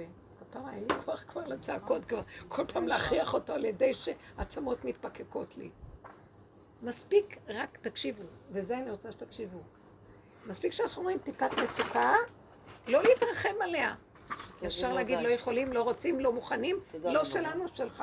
תתגלה. תתעקשו על זה כמו, לא יודעת מה, לא מוכנה. וכל הזמן אני רואה שיש לי את הניסיונות האלה, ואני, אה, בדברים שהם לא קשורים אפילו לעולם, בתוך העבודה עצמה, אני מגיעה למקום שאני עוד אומרת, עוד פעם לעשות את זה, לא יכולה, לא רוצה, לא כלום. אתה יודע מה? אני אומרת לו, שם, אני, זה הגולמיות שלי וזה הגבול שלי, ואין לי כוח. אתה רוצה ממני משהו חדש, שינוי, זה כבר קשור אליך. אה, תבוא עד אליי. We don't call you, you come to us. Don't call us, we call you. לא, עכשיו הפוך. אין כוח להשתדלות, אין כוח לשום פעולות, אין לי כוח. נגמר הכוח. והיו לי כמה ניסיונות כאלה שראיתי, עכשיו תגידו ככה, זה נשמע לא. טוב. למה זה נשמע לא טוב? מי אני בכלל שאני אגיד כזה דבר? כן, מה זה החוצפה הזאת? אבל הגולם אין לו, זה לא מהאישות. כשיוצאת לי, זה לא לא מה- מהאישות שלו בכלל. זה אמת כזאת, אתה יודע מה, מאיפה באה האמת הזאת? שמע, אין לי אינטרס שהתוצאה הזאת או הזאת, זה מה שאני רוצה, לא אכפת לי שום תוצאה, לא אכפת לי כלום, אני לא יכול, אני אשאר פה, אתה רוצה, יהיה, לא רוצה, לא יהיה. אין לי אינטרס לכלום. זה משהו מאוד פשוט, שרק דבר אחד יש לו אינטרס. לא מוכנה להתאמץ. לא יכולה להתאמץ. אני יכולה, אם אתה נותן את הכוח, אז אתה מתאמץ בתוך זה, זה לא יכול להיות שזה יהיה אני. זה לא אני של עץ הדעת שמתחצף אליו כביכול. זה אומר לו את ההוויה האמיתית הפשוטה שלי, זאת, זה הנתון. ואני רואה שם דברים מדהימים. אני מרגישה כאילו הדבר מחזר אחריי, במקום שאני ארוץ לחזר אחריו. ואני רואה עוד את התנועה שלי, כבר בכמה דברים שראיתי שהרשימו של הרצון לרצות ולעשות פעולות לטובת משהו, שזה מחשבה טובה וכיוון נכון. ואני רצה והוא הוא מפליק לי על ימין ועל שמאל, עד שאני מגיעה למקור ש, שאומר לי, למה את רצה? וכבר הייתי בעבודות האלה הרבה. עכשיו אפילו הקצת, כי לי למה? הוא משנה לי את הערכים. אני יכולה לרדוף אחרי איזה משהו פעם סיפרתי לכם על מישהו שכאילו נראה לי שכדאי לי לרדוף, יש שם משהו להתבונן, מה יש שם לאיש הזה, איזה רוח כזאת, אור מיוחד. ואז ראיתי, ובאמת, אדם בעל מעלה מיוחדת, וכאילו השם מנסה אותי דרכו. שכל פעם שאני אומר לי, פה תהיי, שם תהיי, אני אבוא, כל פעם שאני הייתי באה לשם, לכאן, איננו. כאילו, אני עושה את המאמצים עד כלות הנפש, אין לי כבר כוח להתאמץ בכלום, והבן אדם איננו. ואז אני רואה שאומרים לי, למה את רצה אחרי זה? אבל כי זה אדם מיוחד, כדאי לי לראות מה, למה... ומחזירים אותי לנקודה עד שזה הגיע למקום שאמרתי, אתם יודעים מה, אני גם, והייתם נקיים מאלוקים ואדם. אה, אני לא יכולה להגיע, זה המקום שלי, אני גבולית, אז אני מוותרת על הכל. התחילה, הכל מתחיל לחזר אחריי, אתם מבינים מה אני מתכוונת? אני לא, הבן אדם לא צריך לכלות את הרצון שלו, אפילו באיזה רובד גבוה למשהו, כלום, לפי סיבות. זה משהו מאוד, מאוד דק ועדין שהופך להיות משחק שהשם רוצה אותנו כלי ריק שלא יכול להכיל כלום והקצת שיש לו איזה עוד מאיפה יוצאת הצעקה? כי האדם עוד גנוב לו שהוא יכול משהו אז הוא מוציא, אז הוא כועס, הוא לא יכול, הוא עצבני הרגע הזה גם שהוא אומר, תן לי אותו עכשיו אני צריך אותו, השארתי לך את הנקודות האלה כי דרכם אני עוד צריך להתגלות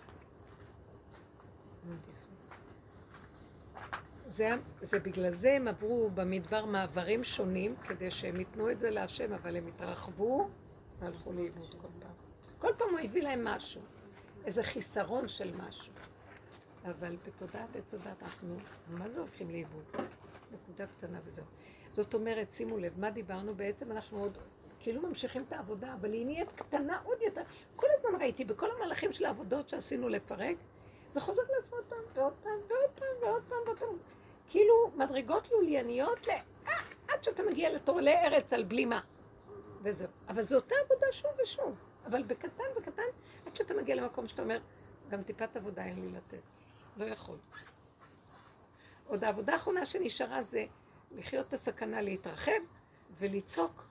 ואני כן אומרת, זה לצעוק, זה, זה להגיד, תרד, אני לא. זה הכרה ברורה שאני לא. אני לא. לא מוכנה, לא יכולה. זה לא מרדות, זה גבוליות שהיא החוק של המשבצת שלי. זה לא שאני... זה לא יכול, הוא לא יכול. ככה יצרת את זה. זה אמת, הוא מתגלה כשיש אמת. אם תביאו איזה דוגמאות מהחיים זה מאוד יעזור, אם יש לנו חיים בכלל.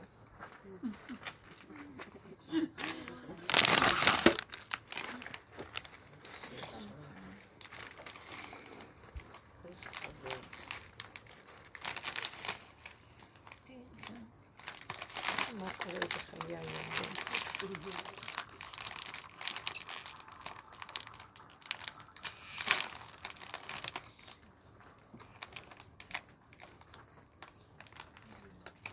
אני מרגישה שלאט לאט גם הרצון להסביר לאחרים ממש יורד לי. ממש. אני יורדת מהעץ כי אני מבינה שאין אין מה... אין מה. אני לא. אתה רוצה שאני אסביר? לא יודעת. ת- ת- לא- לא מצליחה. להסביר. לא... לא יודעת איכשהו, סובב לי... לא. אין לי כוח. כאילו, זה לא... את גם רואה שזה לא, זה לא עוזר, כי זה ממש לדבר עם מישהו שבכלל אין לו מושג, אני לא מבין על מה את רוצה, וזה רק מתסכל, זה רק מכניס. חוק ההתרחבות נופל, אין כוח להתחיל לצאת מהנקודה. כן. יכול להיות שהוא יביא אותך למקום שתהיי מוכרחה, ויהיה לה איזו מצוקה כי תהיי מוכרחה, ואז הצעקה שאתה יכול, הוא יוציא מפך דיבור שלא התאמצת בו, והתרחת ואמרת, וזה יהיה ממנו ולא ממך. כזה דבר כן. אז יש לי דוגמה קטנה. היה לנו אתמול איזה מפגש, לאילן ולי, עם אה, קרוב משפחה שלו, שהוא... אה, הוא התחתן, נישואים אזרחיים עכשיו, הוא גם צעיר, אה, הוא בן 30 ומשהו כזה, מחפש, הוא מאוד חכם ומאוד כזה, אבל בקטע יש טרנד כזה שנקרא, רחמנא ליצלן, פולי אמוריה, זה כאילו, לא משנה, זה ריבוי, אה, זה, והוא כאילו בזוגיות, הוא היה פעם יותר בזה, ועכשיו הוא בזוגיות, והתחתן, אבל מדי פעם. ואילן ניסה כאילו לשאול אותו ולחקור אותו כאילו איפה הוא היום במצב הזה. והוא כאילו אמר, אה, ואני, ב- ב- כאילו, אני באיזשהו שלב כבר לא היה לי כוח לשיחה הזאת.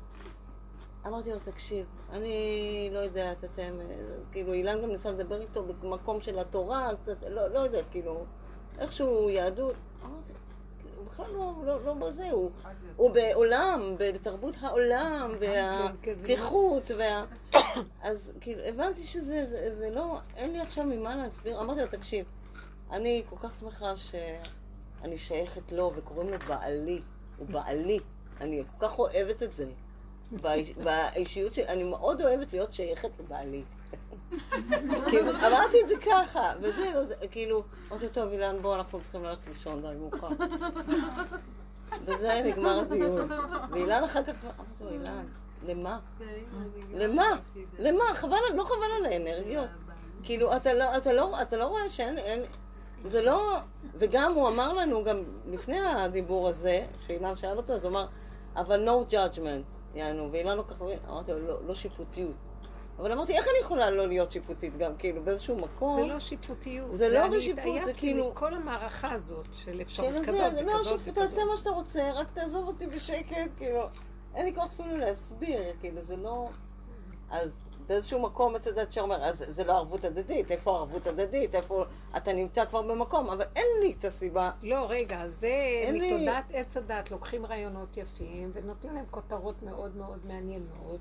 תודעה, זה ניו אייג', לא יודעת איך קוראים לזה, ערבות הדדית, כל מיני דברים כאלה. גם ה... כן, גם השוויוניות הזאת. ולא נכון. שיפוטיות ולא שום דבר. תודעת עץ הדת היא בעצם הגנבת הכי גדולה. היא כל הזמן לוקחת רעיונות של אמת, הלוא השקר אין לו רגליים, אז ממה הוא חי? זה נקרא עלמא דשקרא, מנקודת אמת שנכנסה בתוכו והוא שובה אותה. ומזה הוא חי. אז הוא כל פעם תופס נקודות אמת שמתגלות בעולם על ידי התקרבות של אנשים שעושים עבודה ומקרבים מצבים. והוא קולט את זה, הוא גנב, ערמומי. הוא גונב ועושה מזה רעיונות יפים ושמות יפים והם ריקים מתוכן. ברגע של ניסיון הוא ישפוט את כל העולם. ברגע של אה, איזה משהו שהוא עובר בין אדם לחברו, אין לו ערבות ולא הדדיות. אה, זה ככה זה. אנחנו, מה ההבדל בינינו לבינו? שאנחנו קולטים את האמת ומודים בה, ויורדים מהמוח הזה. ועדיין אנחנו במקום, באיזה מקום אנחנו? אני מודה שאני לא מסוגלת להיות ערבה לשום דבר. אני לא, אתם זוכרות שעבדנו על הפגמים? עוד, עודנו בפגמים ואמרנו, לא מסוגל. לו יצויר שיבוא ניסיון כזה, זאת תהיה התוצאה. הפסקתי לחשוב, אני אתקן, מעכשיו אני אהיה משהו אחר. לא, אהיה משהו אחר. כמה התבוננות עשינו, שנים על גבי שנים. והדבר חוזר על עצמו ככלב ששב על קיאו, ואי אפשר לנו לצאת מזה. אז מה שקרה, נחלשנו והבנו שזה מוח שקרני ודמיוני שמנסה להגיע לאיזה רפים גבוהים של דמיונות וירטואליים, שהוא לא יהיה מסוגל, הוא לא מודה באמת של מציאותו, שהוא מוגבל ולא יכול. ועל כן מה קורה לו? אז הוא מצמצם את מציאותו ויוצא מגדר ההתנסויות האלה. הוא יודע, אני סכנה, לא מוכן לשים את הראש שלי בלוע של העולם שיזרק עליי איזה ניסיון כזה, כן לעמוד בו, ואני מסוכן. וזה היה המהלך של הגולם, לאט לאט לאט לאט, והוא מתחיל להיכנס לתוך יחידה. הגולם הוא מאוד גולמי, מוגבל, ובגדר שלו, בחוק. היסודי שלו. אז איזה טענה יכולה להיות עליו למה הוא לא מתמודד ולמה הוא לא בעניינים? הוא לא נדרש גם. מתחילה להיות שלוות עולם על ראשו. באמת, זה, זה לא בעצם גולם, זה אדם ש... אדם ערום בדעת ומשים עצמו כבהמה, כגולם. זה הבני אדם האלה, והם הכירו בתודעה של האמת שכדאי להם להיות שם. עכשיו אנחנו לקחנו, לקחנו את הגולם הזה והבאנו אותו למצב שהוא חייב עכשיו להיכנס לעולם. זה כבר שם ההנהגה האלוקית עוברת דרכו, הנהגה חדשה. זה לא שייך אליו, כי הוא אמר, אני גבולי, אני לא יכול. זה מאוד מאוד חשוב הדבר. שאנחנו נתגבש בלא יכול בגבוליות בלי שום, בלי שום, אה, מה, אתה לא מתמודד? בלי ביקורת, בלי שיפוטי, בלי כלום. כי גם אם תגידו לו, מה, אתה לא מתמודד? הוא יגיד, נכון. מה, מה אתה עצבני? נכון, אני גבולי. הנקודה שלו היא רק לא להתרחב בזה. אם הוא אומר את זה לעצמו והוא מודה בזה, זה לא נקרא התרחבות. ברגע שהוא יוצא, התודעה גונבת אותו החוצה והוא דן ושופט ומבקר את הסובב, הוא נגנב. ביני לבין עצמי מותר לי להגיד, אני לא יכולה, אני גבולית. אם יגידו לי זה, אני אודה נכון, אתה צודק, אני. אני זה, אני שכל, אני הכל. ברגע שאני יוצאת טיפה החוצה ורואה מה שם לעומת מה פה, זה הסכנה הכי גדולה של הגולה. לא להרים ראש כזה. זה מה שרב אושר היה אומר כל פעם שדוד המלך הרים ראש, כשהוא היה במצב של הגולם של השם, באימות הייתי עמך, השם היה נותן לו מכה לראש ואומר לו, עד ארצה. עד שהוא הבין שהראש באדמה זה טוב. למה? כדי לא לחטוף את המכות. כדי להישאר במקום הזה, וברמה הזאת תיכנס לעולמי.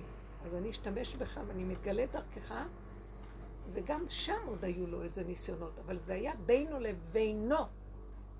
אסור שזה יתרחב החוצה. מתרחב מדי החוצה, וואי, תמיד השם יעזור לנו, כי אנחנו בכל אופן חלקו וחלק של עבודה גדולה, אבל אנחנו עוברים ייסורים, אני לא מסוגלת להכיל. אני מגיעה למקום של לא, ריבונו שלם, אל, אל תבוא במשפט את עבדך, כי לא יצדק, לא יכול להיות, אני לא יכולה, אדם לא יכול, וזה הוא מכיר את גבולו. אין לך דבר שמשכך חרון אף וחמא, וכל קטרוג שבעולם, כשאדם מודה בגבולו, ואומר אני לא יכול. רוצה כי לקבל. זה, בזה נגמר חטא אדם הראשון, והגיע לתיקונו. זה היה דוד המלך. הוא הודה באמת. חטאתי נגדי תמיד. לא יכול. זה תיקן את חטא אדם הראשון שאמר, האישה שאת נתת עימדי לי, גרמה לי את כל הבלגן. אני בסדר. הוא הצטדק, הוא לא אמר את האמת. וזאת האמת, שתהא לתודעת עץ הדעת גרועה כוחו שתהא. ביני לבינו, זאת האמת שלי. מת עליי, אוהב אותי. כי גיליתי לו נקודת אמת שהוא ממנה מתחיל, זה, משם מתחיל הכל להתקן. אז התיקון הכללי מגיע שם, שזה רק בורא עולם. הוא יעשה את התיקון הכללי, אדם תקוע פה. אין כאן תיקון לשבירה הזאת. אין. רק הגולמיות שירדה מכל הדמיון של כוחי ועוצב ידי, ואני אתקן ואנחנו יכולים, ואנחנו הורסים יותר ויותר על ידי הדמיון הזה, והוא חוזר למקום שלו, מכיר את גבולו, מוסר את המציאות שלו, ואומר לו, תעשה איתי מה שאתה רוצה. אבל רק תנאי אחד, ואני עדיין אגיד לך מה לעשות בתנאי הזה, שלא יהיה לי כאבים. השם אוהב את זה. כי למה? הוא ברא את האדם בכל גבולו, כדי שיהנה מעולמו. ואם אני במצוקה, אז אתה גורם לי שאני לא אוכל לקיים את מטרת הבריאה, ליהנות, ולהודות שהשם שם את האדם בעולמו כדי שיהנה מטובו ויודה. אז, אז השם אומר, טוב, לא לסבול. הסבל של עם ישראל חייב להיפסק. תודעת הסבל הגלותית היא שקרית והיא גורמת שאנחנו לא נוכל לצאת מהגלות. והתמכרנו לה ונמכרנו לה. וצריך להפסיק עם זה, כי יש לנו איזה מין חיות מהיגון והנחה והמסכנות הזאת והצדקות הזאת של אנחנו נושאים בעול. צריך להיות בתוכנו משהו שלא סובל את זה יותר, ממש לא יסבול את זה. ורק להודות ולהודות, ולבקש רחמים שלא יהיה סבל. ולפעמים לי מחשבה, אה, את בורחת, את בורחת, שיהיה לך כיף, כן? את לא נושאת בעול עם חברו כביכול. ואז אני שם, אני... רגע, אני רואה שזה כל הנקודה שמנסה אותי, המוח הזה כאילו בא. הנחש שם קטריג. ואז אני אומרת, נכון, לא יכולה לעשות. שהשם יישא את עולמו, שיתגלה ויסדר את עולמו, אני לא יכולה לעשות. אה, אני לא יכולה. אני מרגישה שאת כל זה כיוון שאני אגיד את האמת הזאת. אני לא יכולה ואני לא רוצה. כי אני רוצה להודות ולהודות, וליהנות ולהודות. ולבשר לכל העולם שיש כזאת שכינה פה, כזה שפע, כזה ברכה. איזה עולם יפה השם ברא פה. איך הרסנו את כל זה על ידי תודעה מטומטמת של סבל, יגון והנחה, כאשר כלום חסר דבר בבית המלך? את זה הוא רוצה לשמוע. הוא אומר, ניצחוני בנה, קדימה, זה יביא את הגאולה. כי אפשר להישאר פה בכלל. זה עולם מטומטם. בכלל, איך שזה נראה פה. זה כבר הצגה, אמרתי לכם. זה פשוט נראה לי הצגה, זה לא יכול להיות אחרת. זה כבר, אם פעם זה היה טרגדיה, עכשיו זה רק קומדיה. אבסורד. פורים, פורים עכשיו, פורים, מתחיל להיות פורים. זה גם. הכיפורים כבר אין לו משמעות. אין משמעות לחטא. כי אני מודה שאני כל הזמן חוטא, נכון? כי חטאתי נגדי תמיד, ואני לא יכול... המשמעות של החטא כבר מתפרקת. כי אני מציאות של חיסרון, שזה היסוד הכללי שכל החסרונות נובעים ממנו. אני מודה באמת, אני חסר, כי אם אתה לא תשלים אותי, איזה שלמות יש לנברא העלוב הזה, אם השם לא מכניס בו את נשמת כל חי? מה יש לו? אחד גולם מסתובב פה עם איזה דמיון שהוא כל יכול והוא הורס ומחריב בדמיון הזה. חרבנו את המציאות שלנו. במו ידינו. וגם אין לי כוח להצטער על זה כבר, ולהתפלל על זה, שלא יחשב עכשיו, אני רק צוחקת. פשוט אני רואה, גם בזמן המלחמה האחרונה שהייתה, לא יודעת, קרה לי דבר שאני לא, לא רגילה. אני צוחקת על הפצצות שירדו. היה נראה לי שזה הכל הצגה, ובאמת לא קרה כלום. זה כאילו בהצגה רואים מרחב גדול, שגם אלה שכביכול הולכים, הם מיד רצים, יוצאים מהגוף ורצים, מסתדרים כדי לחזור לפה שוב. אין מיטה. זה לנו נראה נורא ואיום. זה קשה להגיד את זה, זה קשה להגיד את זה, כי אין, אין כלום. באמת האדם אה, לא רוצה ללכת, הוא רוצה להישאר ו... למה? כי עד שחוזרים בתור ונהיים תינוקות וקמים בלילה עם כאבי שיניים ולא הולך פה והמצוקות של הזה, אחר כך כל הבתי ספר והחינוך והסבל שכולם עוברים פה מכל המערכות הדביליות האלה. אז עד שהוא בן אדם מתפכח וגדל כדי לתפוס את הנקודה, זה חבל על הזמן הזה, זה בזבוז נוראי. אני הרגשתי גם שמה שכן קרה, הכל הרגיש כמו הצגה, ואז נגיד היה ילד אחד שרסיס מהבניין השני, נכנס דרך החלון הממוגן, ו... זה גם כן, אז את כבר אומרת, טוב, זה כבר... אלוהים כבר פה כל כך אה, מדויק, כן, הבימוי. נכון, נכון. זה כבר הופך להיות שעשוע, אנחנו כבר רואים את החוכמה שמאחורי הכל. אני מניחה שלהורים שלה זה זה לא היה. פשוט שעשוע, היה נראה לי שמישהו זה הדליק את כל. הסיפור הזה. הדליקו את זה שהתחילו להשתולל ברחובות ערביים וכל... משהו הדליק את משהו שפתאום נדלק. ופתאום נכבה ופתאום... זה משהו מצחיק. לא נורא, אני לא יכולה, זה... לא ניכנס בזה. זה רק איך פשוט... שהדברים נכבים, זה גם כן היה משהו מאוד שמה? חזק. איך שהדברים נכבים, נעלמים. כן, כל פתאום הקורונה, נגמר. פוף, נעלם. כל ה... זה כאילו... כן. המלחמה. זה מלחמה. טוב, נגמר. כל... כן, נכון, נכון. תשימו לב שעוד מעט תדלק עוד משהו, אבל. חכו, כי צריך לראות איזה סיבה למה זה נדלק. זה מתרחב, מתרחב, נעלם. לא, כבר אין, הרבה- אין כוח להצטער. ובואו נלך להתפלל, ו-80 יום זה, ו-400 תפילות של כלל העולם וכלל ישראל. אין כבר כוח. מה, ההצגה הזאת כבר חייבת להיפסק. אה, אי אפשר, היא לא נפסקת על ידי זה שאתה לא נותן לה שום כוח ומשמעות, היא נפסקת, זה לא ייפסק. הלוא זה כוח האנרציה פה, מוליד כדורי שלג מפעולה לפעולה של כוח ההסתברות, ואחד עוד אחד שווה, לא יודעת מה נהיה מזוודה, ואחד הורג את השני עם הכדורים האלה, זה לא, זה לא ייפסק. זה את אומרת די. הבן אדם, עכשיו, הגולם הזה שנמצא בתוך מציאות העולם, הוא יוצר מציאות חדשה. והיא לא מציאות כללית כמו העולם. היא מציאות פרטית ביחידה שלו, שאני אגיד לכם את האמת, אחד מכם יניס אלף ושתיים רבבה. הוא הופך להיות כזה כוח אטומי פנימי, שהוא משנה מציאויות בשקט, בלי לעשות שטיפת מוח חיצונית, ולעלות על במות, ולקשקש קשקושים, ולמכור סחורות, כלום. זה לבד נהיה. משהו בעולם מתחיל להיכנס בתודעה הזאת, וזה כבר קורה. יותר ויותר אנשים רואים את הדבר וצוחקים, יותר ויותר קורה דברים. זה המצב החדש שלנו.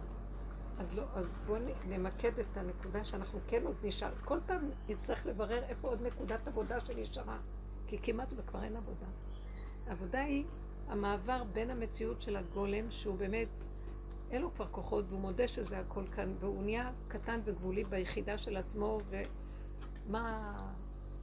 הפך מהמן שישב על העץ ואמר, וכל זה אינו שווה לי, כי הוא משקיף על כל העולם, והעולם שלו כביכול, בדמיונות שלו. כי הוא רואה הרבה, אז הוא חושב שזה שלו.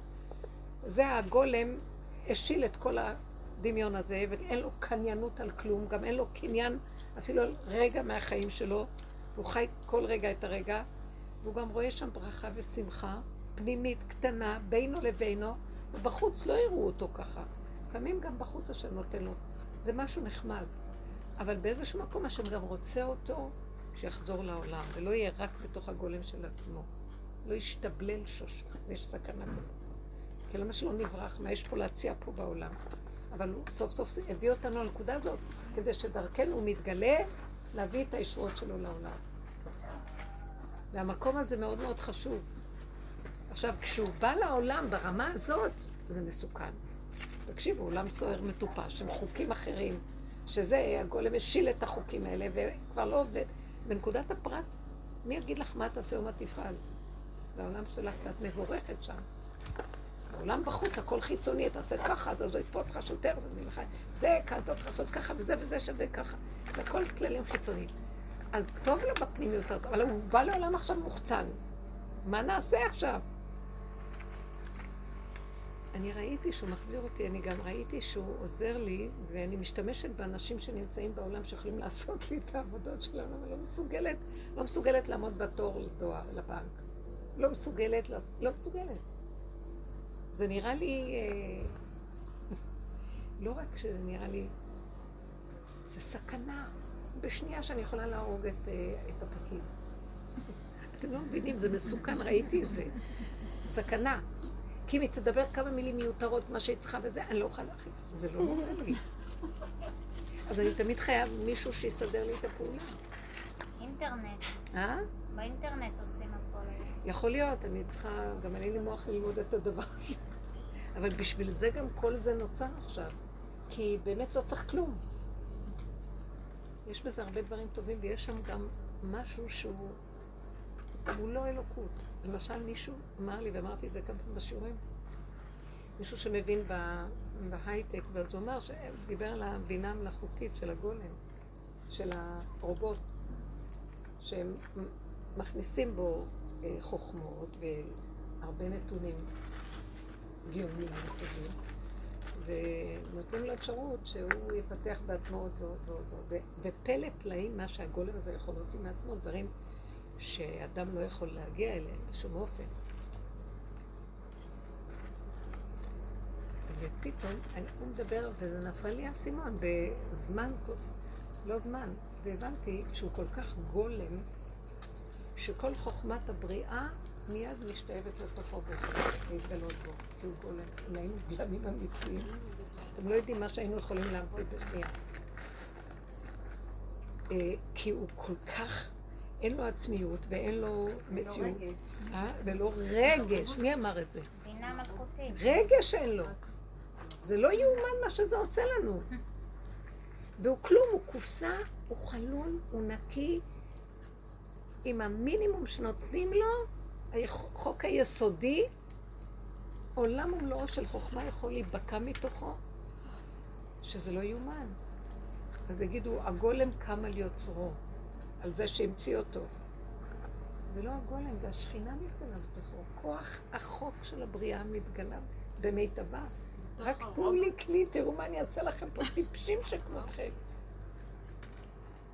כי בעצם מה זה, מה זה עוד יש לו המחשבים? מה להגיד. זה בני אדם פיתחו מחשבים, הם, הם אה, לוקחים את, ה. את הדרכי חשיבה של המוח שלנו, זה הבינה המלאכותית. כן, ושמים אותו בתוך. מחשב, את הדרכי חשיבה שלנו, ועכשיו המחשב הוא יכול לעבוד הרבה יותר טוב מבן אדם, יש לו את הכלים היסודיים של דרכי החשיבה של, של איך שמוח אנושי עובד, והוא עכשיו משחק עם זה, והוא עכשיו משחק עם תביני, זה אבל ב- תביני מי זה הוא בכלל, הוא לא. קיים. דרכו זה קורה. כל הקומבינות של כל האפשרויות יכולות לבוא. בלי שום עמל ויגיעה, בזמן מועט מה שאדם לא יכול להכיל בכלל. כן, אבל יש בזה אתם לא יודעים. מה זה חוק הבריאה. מה? פלא, הפלא ופלא שלא יתוארו. כי למה? הוא נקי מהמציאות של עץ הדת. מי שאמרה לי, זה עץ הדת הכי גדול. לא, לא, מי שהטעין אותו זה עץ הדת, אבל הוא מצד המקום הזה ייקח את... לא מתרגש. לא, אבל יש לא בזה סכנה. וזה סכנה לאנושות, לא? כן? יש בזה סכנה. סכנה שהוא יעשה יותר ויותר ויותר ויותר ויותר, ואז כן, כל דבר שמתרחב יכול להחריב. יכול להחריב. אז אה, יכול ללחוץ על איזה כפתור של פצצת שאלה בדיוק, זה. צריך לבוא איזה משהו, מה זאת אומרת? מוחות. רשעים לא, אז אני אותו. אומרת, זה לפי המוח מוחות רשעים. זה מסוכן מאוד, זה בדיוק מה שקורה. זה בדיוק מה שקורה, כי המוחות שמפעילים את הדברים האלה, מוחות מרושעים, והם רוצים להשתלט, והם משתלטים. כן. לא, יש להם מגמה. אינטרסנטית. זה כן. לא- זה לא אלוקות, לא? זה כאילו... אבל אני אומרת שאני אני לא יודעת מה הלאה, מה... אני אומרת שהיא רואה את רק רואה, השכינה אני אומרת. את היסוד הזה, תראו מה זה הגולם, אם הוא באמת נקי, החוכמה דרכו, הברכה דרכו, הכל דרכו, למה, למה לא להיות? זה מה שהשם רצה. ברא אדם, שדרכו יתגלה כל החוק של הבריאה, אבל ברמה נקייה מאוד. לא כמו שהתלבש עלינו חוק אחר, וקלקל את כל כוונת הבריאה, וכל העבודה שאנחנו עושים זה לפרק את זה, ולהביא את זה למצב של יסודיות ראשונית, נקייה. בהמות הייתי עמך. דוד המלך יכול להגיד, הבהמה היא הכי קרובה לדבר הזה. אנחנו היום אומרים רובוט, גולם. אני לא אשכח שנכנסתי ל- לרב ניר בן ארצי, והוא אמר לי, רובוט, רובוט, נורא נעלבתי מהרובוט, הרובוט נעלב. הוא אמר, גולם, גולם. אמר לי, לא, רובוט. תשכנע אותו גולם. תן לי אחות, באמת, תגיד, לא יפה, אני כל כך הרבה עבודה, תגיד גולם. הוא כל כך תמים, לא, לא, הוא מתרגז עליי. חמוד, מאוד תמים, ראיתי תמימות, נקיות, כמו ילד קטן. מתי היית אצלו? אה? מתי היית אצלו עכשיו?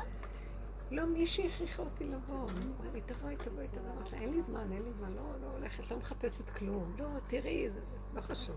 בסוף מצא איזה זמן לה, והביאה אותי. התפעלתי, הוא אדם נקי, נקי, זה מה שראיתי. נקי ותמים ופשוט, פשוט, פשוט. פשוט לא מתוחכם בשכלית. ו- זה טוב, פשוט.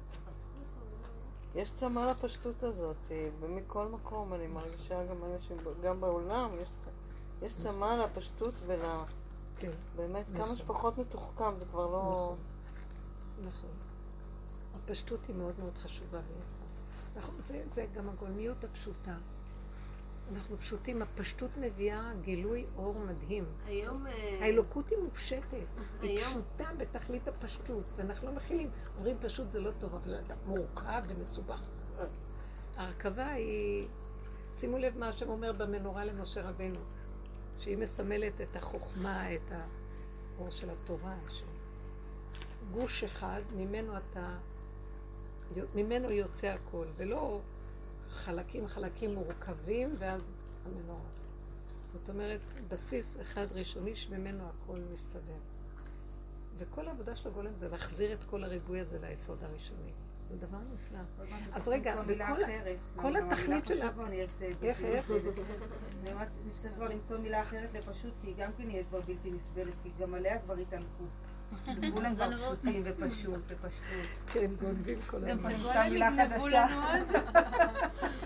נכון? זה גם כבר די. אז בואו ניקח מילה אחרת. לא משנה מה נגיד, זה מילים. החוק הראשוני הוא פשוט, מופשט. מופשט מריבוי, היחידה. כי רגע, בוא נגיד ככה, רגע אנחנו, הגולם מגיע לעולם והוא מתחיל, זה, הוא לא יכול להכיל את העולם, אז הוא צריך לחזור לחוק הראשוני. לבטל את הכל, להגיד, לא יכול. אז הוא חוזר ליחידה. לא יכול להכיל ריבוי. זה מאוד מאוד מביא אותנו, זה מאפס אותנו מיד. איך חזרנו, כל כך הרבה דיברנו. העין, איך אמרת פעם?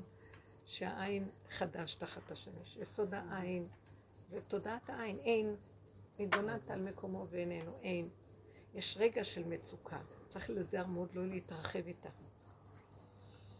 כי אנחנו מאבדים את העין, מיד הוא נהיה יש ומתרחב. על כל מקרה, תמיד אפשר להחזיר אותו עוד פעם לעין, גם אחרי, אם לא לפני אז אחרי, אבל כבר זה קשה אחרי שהוא מתחיל אה, לגדול. מצד אחד אנחנו רוצים את המצוקה, אנחנו צריכים אותה, אבל מצד שני זה גם אפשר, כאילו, לא להתרחב, היא צריכה להיות. קצת. מצוקה קטנה. לא רוצים לא, אותה, היא באה בעל כורחנו. לא, מצד אחד אנחנו צריכים אותה, אנחנו צריכים את המצוקה. המצוקה היא, חייבת, החיכוך. בין שני הפכים בגלי אלוקות. אז צריכים את החיכוך, שני ניגודים. כי יש בזה גם חיות, כי יש? בזה גם חיות בחיכוך הזה, יש הרבה... אם אנחנו נשכיל לא לתת למוח. ולגנוב אותנו, אז מתגלה החיות שיש בזה. כן. לא, זה לא שאנחנו צריכים את המצוקה, אנחנו לא צריכים לא להסכים להכיל כל דבר. הגבוליות, לא כן, יכול. יש מצבים שכאילו. אז בואו נראה מה קורה לנו. לא להכיל מאיפה. באה המצוקה? כי המוח מתרחב, כי הוא חושב שהוא יכול. תמיד המצוקה באה מהמקום הזה, הגבול של הגולם הוא גבולי, אבל בא זה ואומר, "אה, הוא עכשיו במפגש עם העולם, שכל התודעה שלו זה אני יכול, ואני עוד מעט תראו, וזה, ואם נפלתי רק במקרה, עוד רגע זה משהו אחר. לא, לא, לא. אז ביניהם יש נוצר משהו, אז אם אנחנו שם סוגרים מהר, ולא נשארים במוח, תקשיבו, חזק למשוך את החוט למטה, ולנעול את החלק הזה למעלה, ואל תפחדו. אתם רואים, הגולם יהיה הכי חכם, יעשה הרבה קומבינות של דברים, יצא ממנו מה... קצת שיש בו המון המון המון דברים טובים מלמטה. לא צריך את החלק הזה. המצוקה זה סימן שאני לא, שאני לא מסכים עם זה שאני לא יכול. אבל בעצם זה היכולת. כשאני נמצא במקום הזה, זה יוצר את זה שאני אני יכול, כאילו... אני עוד חושב שאני יכול, כי אני נתקלתי ברובד, הגולם שלי שותף לא יכול, נתקל ברובד של עולם שיכול, הסתירה הזאת קשה. המצוקה נותנת ברקס, היא נותנת ברקס ל... היא אומרת לך לעצור, כאילו, אתה התרחבת וזה, הופה, הופה, כאילו, אתה עכשיו כאילו, מין סימן כזה, והוא עוצר אותך, ופה אתה כאילו חייב, אתה לא, אי אפשר כאילו, אתה נעצר עם ה... עם הרגש והמחשבה והזה, זה, גבולי, זה מכניס אותך לגבוליות, טובה. זה מה שראיתי, זה באמת קצת מזכיר את העניין של הנהיגה, זה כאילו, אתה חוזר לעולם, סע לאט. ותחזיק את הברקס כל הזמן ש... שלא תיתן בבת אחת. את כבר לא צריכה ללחוץ על הברקס. גדולה. אה? את כבר לא צריכה עם הטכנולוגיה החדשה ללחוץ על הברקס, האוטו כבר אתה עוצר לבד. ואתה קצת מתקדם, אבל אם... הבינה המלאכותית. האוטו עוצר לבד כבר, אין לו איך קוראים לזה. אה, עכשיו- במקום הזה, כן. נו, איך קוראים לו? זה מדהים, באמת נכון. עכשיו שום ביטוח לא יכול, כאילו, ברכבים החדשים. איזה מעניין נו. בלי הפטנט הזה, נו. שמצפצף את הנושא. מה, מובילאיי? מובילאיי.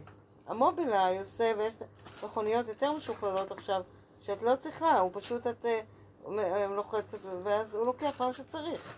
את לא צריכה להתערב, את רק יושבת. את רק יושבת באוטו, ואת כאילו, זה כמו מונית. כל הגילויים החדשים. נהג מונית אוטומטי, כאילו, זה האוטו, הוא נהג המונית שלך, שהוא לוקח אותך. מה שאת רוצה. הוא לא עושה שום כלום. לא צריכה רישיון, נראה לי. אז יש לו את כל ה... הוא יודע איפה יש שפה, איפה יש זה, איפה מכוניות אוטונומיות. יש אוטונומי. כן, קוראים לזה מכונית אוטונומית. את יכולה כבר להגיע לפה עם מכונית אוטונ- אוטונומית. הוא מושתת על מצלמות, הוא מצלם כנראה את כל האפשרויות. כן. כן, שמעתם אה, על הבולען בירושלים? כן, נפתח מה? בחניון בשערי צדק. בבית חולים שערי צדק, נפתח בולען. אבל מה זה קשור לח- לחניון? כאילו ירד בתוך? החניון או לא בול- בולען ממש? כמה אה, זה מטר? כביש, זה- נפל אבל הכביש חנייה, הוא חנייה, מעל- נכון? מעל לחניון רכבים? חנייה. זה לא חניון מקומות. חניה.